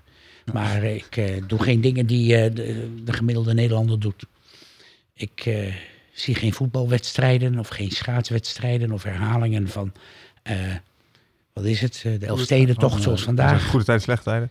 Dat zegt me allemaal niets. Ik werk dan. Ja. En ik doe het op een manier zodat ik er plezier aan heb. En om wetenschap te bedrijven Mhm. heb je om te beginnen geen academische achtergrond nodig. Dat is klinkklare onzin. Degene die aan allerlei instituten verbonden zijn en door de belastingbetaler betaald worden, die moeten zich geprivilegeerd beschouwen. Ja. Want onze collecties, en of dat nu in het Rijksmuseum is of in Naturalis of waar dan ook, die zijn van ons, hè? Die zijn niet van die wetenschappers die daar zitten. Die zijn niet van dat museum. Hè, neem de collecties in Naturalis. Die zijn van de Nederlandse staat. En de staat, dat zijn wij met z'n allen. Ja. Die wetenschappers die er gaan werken, die dan toevallig op een school hebben gezeten die zich universiteit noemt, hoeven helemaal niet meer kennis te hebben dan dat jij ergens van hebt. Nee. Dus eh, die mogen dat beheren en die worden daar go- ja, goed voor betaald, want daar betaal ik belasting voor, heel veel. Ja. Dus eh, één, wetenschap bedrijven, en met name die paleontologie, is niets anders dan vergelijken van het een met het ander. Ja. En dat kan iedereen. Ik doe dat ook. En dan publiceer je erover. En ik doe dat wereldwijd. Maar dat wordt van een amateur niet verwacht. Mhm. En dan ja, over waar ik in het buitenland ben. Het enige waar ze altijd over vallen in het buitenland is het feit dat ik zoveel doe. En die buitenlanders hebben die kansen niet. Dat Ja. ik zoveel, want ik kom echt overal in de wereld. Mhm. Ik ben echt overal. Ik heb projecten in Chili. Ik heb projecten in Alaska, in Canada, in de Verenigde Staten, in Zuid-Dakota, in Mexico. In Europa bijna overal. Ja. En het enige wat ze in het buitenland altijd zeggen van waarom jij wel en wij niet. Dan zeg ik, dan moet je harder werken. Ja, het is gewoon de effort die je Ja. erin hebt gestoken. En, En je moet en de vooral, passie, en, eh, ja ook, maar je moet vooral ook goed weten als je iets wil wat een ander nog niet gedaan heeft. Want dat is eigenlijk het unieke, eh, het eh, unieke wat ik doe. Ik ga niet datgene doen wat jij al gedaan hebt of wat jij gedaan hebt. Dat vind ik helemaal niet interessant. Ik wil iets doen wat een ander niet gedaan heeft. Toen ik die mammoeten in Siberië ging opgraven, toen zei ik... Ik ga naar Siberië en dat doen we in de winter. En niet in de zomer als die bovenste halve meter van die permafrost bevroren is. Ja. We doen dat in eh, de winter. Want dan kunnen we dat geheel in bevroren toestand eruit halen. En dat kunnen we dan onder gecontroleerde condities in een laboratorium afsmelten. Dan zei iedereen, ja, maar dat kost heel veel geld. Dat ging om meer dan 1,2 miljoen dollar toen de tijd. Holy fuck. Maar ik heb straks al gezegd, ik kom uit een gezin met negen kinderen. Ik weet heel goed waar je, waar je kans maakt om geld te krijgen. Toen ik als klein kind een ijsko wilde hebben... en ik ging naar mijn vader en ik vroeg... papa, mag ik een stuiver voor een ijsko? Dan zei hij, stevast, ga naar je moeder. Want hij had geen portemonnee. Had ook geen geld. Want het geld dat beheerde mijn moeder thuis. En mijn moeder die gaf me soms wel vijf cent om een ijsko te kopen. Met andere woorden, als je geld nodig hebt voor onderzoek... en of dat nu 10.000 euro of een miljoen is, maakt niet uit. Ga naar degene die geld heeft. Want degene die niets heeft, zal je niks geven. Want die kan je niks geven. Dat is, dat is mijn uitgangspunt altijd geweest. Eh, dan word je als het ware een soort communist, hè, dat je geld van anderen uit gaat geven. Ja, er is eigenlijk niets moois in de wereld dan dat. dat is heel eerlijk. Ik denk Ja, dat van de, de mooiste Ah, ja. business quotes die we tot nu toe gehad hebben hier. Niks leuker dan Nee, maar- geld uitgeven van anderen. Ja. Ja. nee, maar dat is gewoon. eh, Ik, bedoel, kijk, eh, ik, ik, ik, ik nam een jaar onbetaald verlof van mijn, eh, van mijn werk om nou, iedere keer naar Siberië te reizen. Ik was daar heel druk mee. Ik ging toen voor Discovery Channel de hele wereld over van Nieuw-Zeeland en Australië en Tasmanië en India en Japan en weet ik veel over. Iedere keer maar weer. Eh, dat is heel mooi, want je mag altijd business class vliegen en zo. Dus dan kun je in het vliegtuig uitrusten. Op een gegeven moment is dat heel normaal. Maar het mooie daarvan is dat je ontmoet allerlei mensen. Ja. En ik verbeeld me niks. Ik eh, voel me niks meer dan een ander. Eh, ik hou heel veel voordrachten. En of dat nu een keer voor een school is, of voor een vereniging of op een universiteit. Het zal maar worst wezen. Ja, Dat, eh, ja, mooi. ik, ik, ik zie het zelf dat ik iets mag doen waarvan ik zelf de regisseur ben, de architect. Iets gaan doen wat een ander niet gedaan heeft. Mhm. En het is altijd succesvol tot nu toe. Ja, mooi. Ik vind het heel bijzonder. Ik heb een, eh, een vraagje even terugkomend naar Siberië. Want ik heb wat. eh, eh, ik liet het net al even eh, vallen. En de luisteraars zullen denken: waar heeft hij het over? De Yarkov-mammoet. ehm, in Katanga. Dat is een plek in Rusland. Die is daar gevonden. Eh, daar las ik over dat die is gevonden. Dat is een, eigenlijk een intacte mammoet geweest die in een gletsjer waarschijnlijk is gegleden. Daar is gestorven. Maar dus ook eigenlijk nog volledig intact was. En wat daar heel veel om te doen was, was dat daar letterlijk nog de haren, huid, alles intact. En ik, ik had daar een interview over gelezen met iemand die eh, letterlijk de lippen van zo'n beest kon aanraken tijdens het, eh, tijdens het opgraven ervan. Dat heb jij ook gehad, vertelde je net. Ja.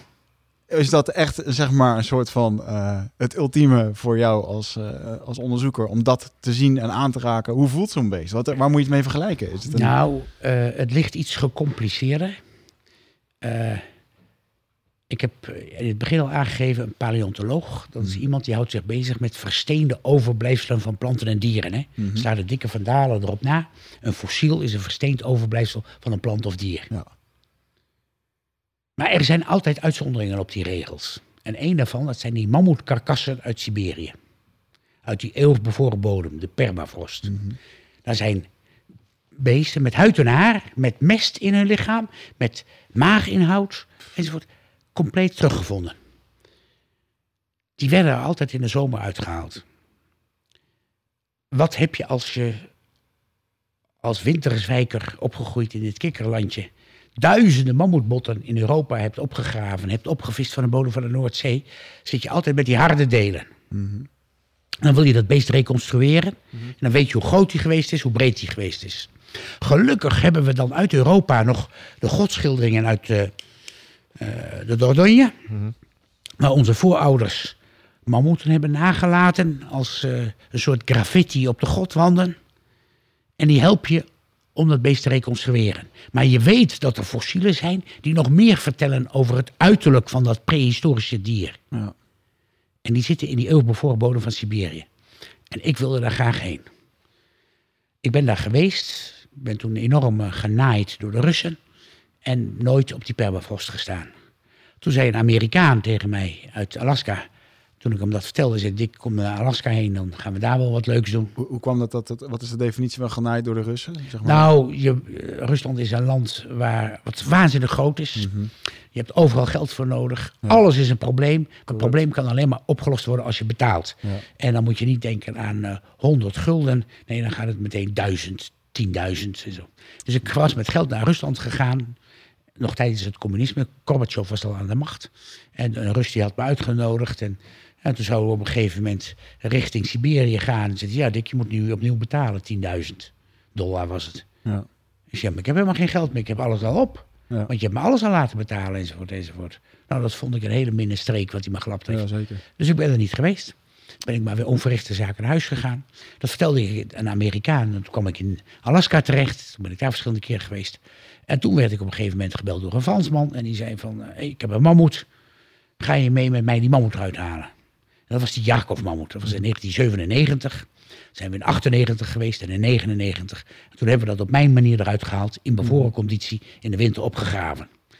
Maar dat is niet zo eenvoudig. Want je zit daar echt op het, eh, ja, in een uithoek van de wereld. Er is helemaal niks. 600 kilometer naar het noorden, naar het oosten, naar het westen. Helemaal niks. Geen McDonald's, niks. Alleen rendiervlees en bevroren vis. Daar hebben we een hele tijd gezeten. Hoe smaakt rendiervlees? Super. Nou, is, eh, als het lekker gebakken is en zo met zout en peper, dan is dat eh, prima. Maar je moet weten, daar hebben we alleen maar sneeuw om water van te maken. En je kookt het dan. Hè. Dus Ja. Je hebt voor ontbijt, voor lunch en voor avondeten Oh, ja. rendiervlees. Smakeloos. Ja, maar ik dus wel het een voedt wel. Het voedt wel. Ja, het zal voedzaam ik zijn. heb het een keer in een duur restaurant in Stockholm op. Ik vond het heerlijk. Ja, maar dat, Maar dat was waarschijnlijk goed gekruid. Ja, precies, daar heb je het. Hè. En dan is het lekker ge- gebakken eh, ja, ja. met goede boter enzovoort. Ja, ja, ja, enzovoort. Dat is daar niet het geval. Dat was wel even afzien. Maar dat, dat maakt het ook weer aangenaam. Hmm. Maar goed, toen op een gegeven moment, eh, we zouden die, eh, dat blok waar die mammoet in zat, dat moest geairlift worden. En dat moest opgetakeld worden. Daarvoor hadden we de MI-26, hè, dat is de grootste transporthelikopter ter wereld voor ingehuurd. En die moest komen. Ja, en het was slecht weer. Nou, dan komt hij niet. Nou, dan wacht je maar. Ja. Daar waar het dag en nacht donker is. Ja. En maar wachten, en maar wachten, en maar wachten. En eh, we hadden dat helemaal vrij liggen. En bovenop zag je gewoon die haren van die mammoet en zo. En toen vroeg de eh, cameraman die erbij was, die zaten ons stierlijk te vervelen. Die drinken wodka, worden dronken. en We rookten als ketters, enzovoort, enzovoort. En toen zei hij van, eh God Dick, als je nou nog met dat eh, haar weer bezig gaat, dan wil ik er even bij zijn. Dan film ik dat. Ik zei, oh, prima.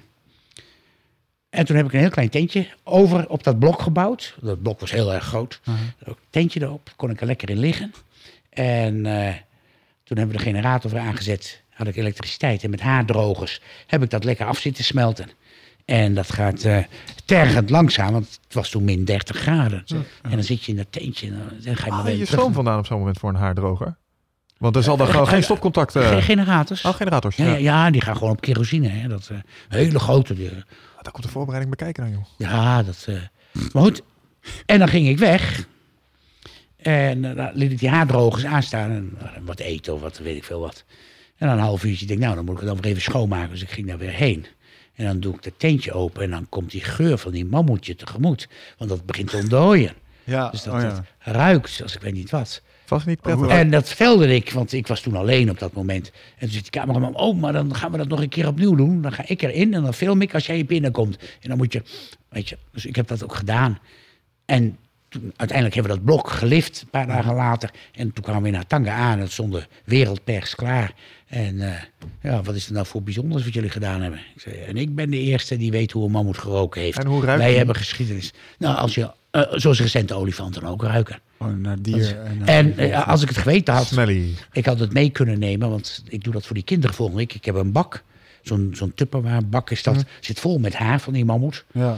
En dan eh, vertel ik die kinderen over mammoeten en zo. En dan vraag ik, weet je hoe een mammoet geruikt, geroken heeft? En dan pak ik die bak en dan mogen ze eraan ruiken. Het ruikt nog steeds. Ja, maar het komt volgende keer, want je gaat nog een keer terugkomen hier. Nu helemaal. Ja, maar dit is echt, dit is, eh, dit is is echt waar. supermooi. Dus dat is, eh, ik ben een van de weinigen die weet hoe een mammoet geroken heeft. En wat is nou het mooie van die Russische fossielen uit die permafrost? Die verschaffen zoveel informatie over het uiterlijk van die mammoet. Want dat is altijd met een hoop fantasie aangekleed. Ja. Maar dan weet je in één keer, dan begint het beest als het ware weer te leven. En dat is iets wat fantastisch is. Ja, Maar ze hebben, oh, zo- sorry. sorry. Nee, En nee, ze hebben het over het- een wolharige mammoet. Moet Ja. ik het dan zien? Oh, ik ken een olifant. Ik heb een olifant gezeten. Ik heb geaaid en gedaan. En eh, genoeg gezien in Azië. Ehm, hoe ziet de huid? Want een wolharige mammoet moet je dan eigenlijk gewoon een. eh, hoe moet je het zien? Wat, hoe, zie, hoe voelt die huid? Wat is het? Eh, om te beginnen is die huid ongeveer, ik heb er stukken van in huis liggen, zo'n zo'n ruim centimeter dik. Direct op die huid zit hele fijne wol, zo'n 6 tot 12 centimeter lang, hele fijne eh, lichtbruin, geelbruine haren zijn dat, heel fijn. En daaroverheen zit als het ware een soort regenjas door hele lange, dikke haren, die wel 1,20 meter lang worden. En, eh, dat, ziet, dat, dat ziet er gewoon heel boeiend uit. Dat is, eh, kijk, bij dinosauriërs, daar weten we van hoe groot ze geweest zijn, hebben we de botten en zo. En vervolgens heel veel fantasie. Ja. Maar bij deze beesten hebben we echt alles van. Hè? De nagels hebben we, de Ja. slagtanden, de oren. Hè? Ik heb een oor opgegraven. Dat is van die zogenoemde Yukagir-mammoet, waar we het straks over hadden. Dat heeft maar een hoogte van 31 centimeter. Om Precies te zijn 30,7 centimeter. Dat is 1 vijfde van het oor van een Afrikaanse olifant. Ja. Dat is dus een teken dat het beest aan een koude leefomgeving aangepast is geweest. Omdat grote oren veel warmte afgeven. Ja. Eh, want we weten van onderzoek aan Afrikaanse olifanten dat het bloed dat vanuit het lichaam door het hart in de bloedbaan van het oor gepompt wordt en dan helemaal die weg langs afloopt, doorstroomt en dan weer uitgaat, dat duurt 20 minuten, dan verliest het 5 graden lichaamswarmte. Ja. Is dacht- eigenlijk gewoon een soort airco. ik, dacht dat Eh, het is de radiator van een auto. ik dacht juist dat de, de oren voor verkoeling eh, zorgden in de zin van dat ze ermee konden wapperen. Nee, gast. maar kan ook. Oké, dat is mijn fantasie dan weer waarschijnlijk. Maar goed. Hey, Ja, ik maar, maar, nee, nee, maar dat, dat klopt wel wat je zegt. Want die de Afrikaanse olifanten, dat bloed koelt af. Ja. Maar doordat ze hun oren kunnen bewegen, veroorzaken ze een breeze die ja. langs hun, hun lichaam stroomt. En daardoor verliezen ze nog Ja, extra warmte. Dat nog niet zo erg. Gaaf. Wat ik me daar nog bij afvroeg is, eh, op het moment dat jij zo'n ehm, eh, zo'n beest in, eh, in zijn totaal zeg maar, uit de grond had, dat betekent dus ook dat hij daar gestorven is. En waarschijnlijk zijn er dan lage sedimenten of iets dergelijks sne- heel snel er overheen gegaan. Want anders zou die zijn ontbonden. Juist. Hoe moet ik me dat voorstellen? Zo'n beest staat daar te grazen, krijgt een spontane hartaf. Waar gingen mammoeten over het algemeen dood aan? Ouderdom. Ouderdom. Ouderdom. Dus gewoon een hartstilstand of iets Als we kijken naar de alle gebitselementen, hè, de, de kiezen die ervan gevonden zijn. uit de Noordzee hebben we er duizenden en duizenden. En het zijn bijna allemaal de laatste kiezen. Dat wil zeggen dat ze al heel erg Hmm. oud waren, op hogere leeftijd. Ja, dus dat Maar eh, hoe, hoe moet je dat voorstellen? voorstellen dat heeft, eh, je bent niet de enige die zich dat afvraagt. Hebben meerdere mensen gedaan. Er was ooit een eh, briljant paleontoloog, een Zweed, maar hij woonde in Finland. En zijn naam was Björn Kurteen. En hij heeft een alleraardigst boekje geschreven, How to Deep Freeze a Mammoth. en daarin beschrijft hij, hoe kan het nu dat zo'n groot karkas weer helemaal overgeleverd wordt, zodat wij het kunnen bestuderen. Ja. Als je goed geluisterd hebt, weet je dat de biotoop, het leefgebied van die wolhagen mammoet, aan het eind van het Pleistoceen, het ijstijdvak, tussen 100.000 en 11.000 jaar geleden, een koude, droge mammoetstep is geweest. Nauwelijks of geen neerslag. Als dan een mammoet doodgaat, laten we zeggen van ouderdom, in een depressie in het landschap, hè, een verlaging, en hij sterft daar, en het is zo koud en droog dat bacteriën niet het ontbindingsproces op gang kunnen brengen, Oh ja. Het is natuurlijk dan koud. mummificeert het. Maar af en toe regent het toch wel er sneeuw. En als dan plotseling in zo'n depressie, waar zo'n gemummificeerd karkas ligt, er komt een paar stortbuien en die zorgen ervoor dat die regen modderstromen op gang brengen, waarbij dit karkas wordt afgedekt. En dat vriest in omdat het zo koud is. En dat begint pas weer te ontdooien als Dick Mol een keer langs een rivieroever in Siberië loopt.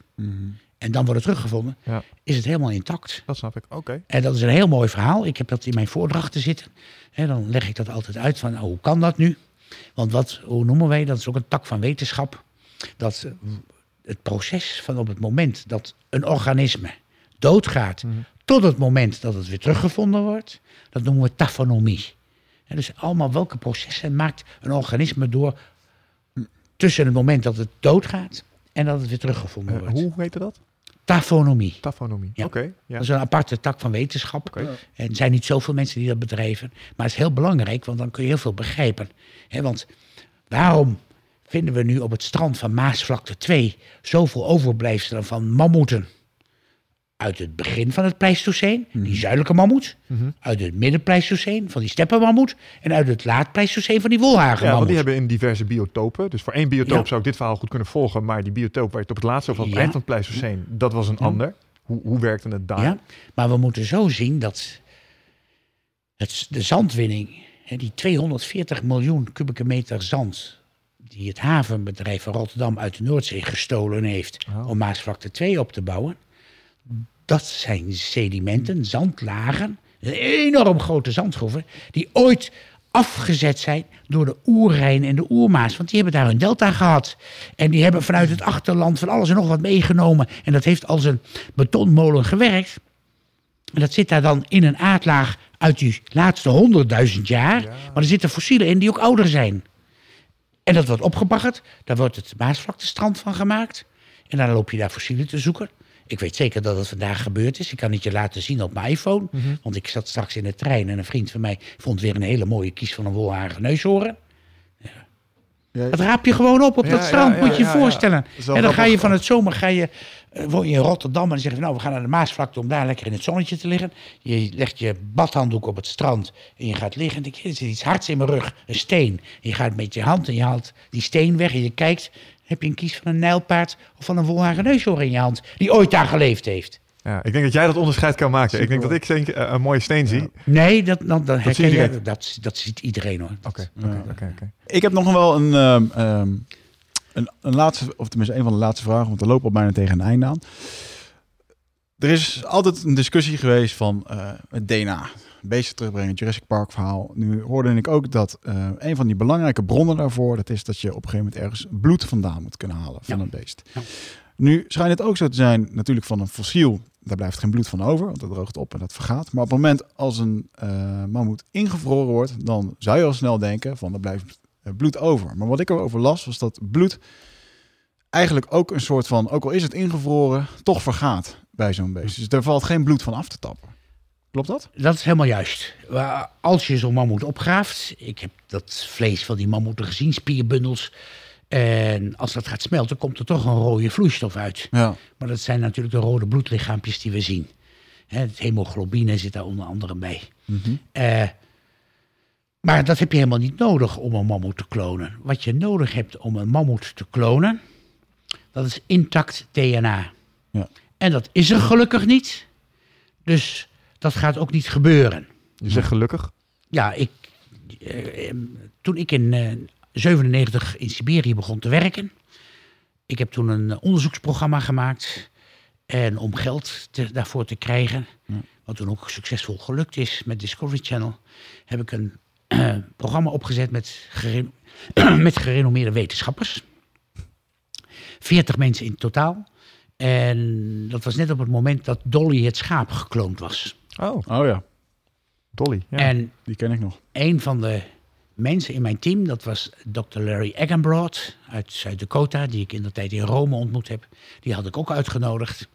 En hij vond altijd dat wij ons uiterste best moesten doen om die mammoet terug te brengen op aarde. Want hij ging ervan uit van de overkill. Hè. De mens heeft de mammoet doen uitsterven, wat ik niet met hem eens ben. En dan was het ook de verantwoording van de mensen om die mammoet weer terug te brengen. En daar discussieerden we over. Dat is prachtig als je het niet met elkaar eens bent. Eh, wat ik wel heb gezegd is dat wij verzamelen al dat materiaal. Dat uit die permafrost, dat is in dusdanig goede conditie. Dat ga ik allemaal bewaren in een onderaardse grot waarin het min 11 is. Jaar in, jaar uit. En dan mogen wetenschappers daar gebruik van maken voor allerlei soorten onderzoek. Ook voor DNA-onderzoek. Want daar kunnen we gigantisch veel van leren. Nieuwe technieken kunnen ontwikkeld worden, enzovoort, enzovoort. Ja. Alleen als er iemand komt en die zegt, Dick, ik wil een monster hebben om die mammoet te klonen. dan zeg ik, nou, daar werk ik niet aan mee. Je hebt er ook niks aan. En waarom werk ik daar niet aan mee? Want daar gaat het uiteindelijk om. Ik weet, ik ben geen geneticus, maar ik weet wel dat je intact DNA nodig hebt. Dat hebben we niet. Dus we gaan iets reconstrueren. Dat wordt dan nog gedrocht. En dat wordt dan bij een recente olifantkoe ingebracht, enzovoort, enzovoort. Dus dan wordt het echt niet een mammoet. Maar daar ben ik nog niet zo op tegen. Waar ik op tegen ben, is dat wij moeten accepteren dat die wolharige mammoet en vele andere ijstijdzoogdieren aan het eind van het ijstijdvak uitgestorven zijn. Dat is een natuurlijk proces geweest. En nu gaan wij daar eentje voor winstbejag terugzetten op aarde. Ja. Terwijl de biotoop waar die in geleefd heeft, en dat is niet alleen die koude, droge mammoetsteppen, maar in combinatie met wind, met afstand van het licht, van de zon, enzovoort, enzovoort. En dat is er niet meer. Die condities zijn gewoon verdwenen. Dus als die condities er niet zijn en we brengen toch dat, ja, dan is dat leuk voor de directeur van Artes als hij daar komt te staan, Ja. want die gaat grof geld verdienen. Ja. ja, snap. En als je naar mijn lezingen zou luisteren, dan eh, heb ik het hele verhaal over mammoeten. De ene keer is het over de Noordzee, de andere keer is het over Europa. Dan is over Noord-Amerika. Ik heb er eentje over Siberië. En dan mijn laatste plaatje. Dat is dan een heel modern gebouw. Dat heeft mijn vormgever van het internet gestolen. en daar heeft hij de mammoet zoals wij hem gereconstrueerd heeft, heeft hij daarin gefotoshopt. En dat vindt iedereen prachtig. En dan zeg ik, dames en heren, ik ben nu aan het eind van mijn Latijn. Ik heb u anderhalf uur lang vermaakt, er zit pauze tussen en dergelijke. Waar ik het niet over gehad heb, is het terugbrengen van de mammoet op aarde. Want ik ben erop tegen en ik spreek dan ook niet over klonen. Hoewel ik daar een uur lang over zou kunnen praten, maar dat moeten we niet doen. Bovendien, over een kwartier gaat mijn trein. Ik moet nu naar huis, zeg ik dan. Ja. Want dan is het meestal kwart over tien. En dan heb ik nog vanuit Groningen een trein terug of vanuit Valkenburg. En kom ik nog om half twee s'nachts thuis. Ja, gelukkig. Mooi. Maar ik vind het een, eh, eh, wat ik al zei, we komen het een beetje tegen het einde aan. Ik vind het sowieso een, eh, ik ben het met je eens, dat soort beesten moeten, dat moeten we accepteren. En ik ehm, moet eigenlijk zeggen dat door deze podcast, nou het net al een beetje over het geinen, maar het maakt mij in één keer weer ontzettend kwetsbaar over hoe dat we hier... Ja. Je bent echt helemaal niks als een, als een mensenleven, weet je. Het is helemaal niks in de, in de, in de hele historie van de aarde. En wat is, een, wat is jouw besef geweest, even ter afsluiting... Je bent dit allemaal al jaren aan het doen en je ziet al die dingen. En eh, je hebt vast ook wel een beeld van hoe we op dit moment op deze aarde bezig zijn. En ehm, wat wil je de mensen meegeven met jouw ervaring over wat je allemaal aan het doen bent en hoe we nu bezig zijn op deze aarde? Eh, nou, zo'n boodschap heb ik niet.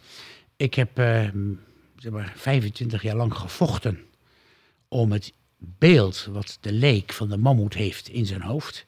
Een besneeuwde toendra met enorme kolossen daarbovenop.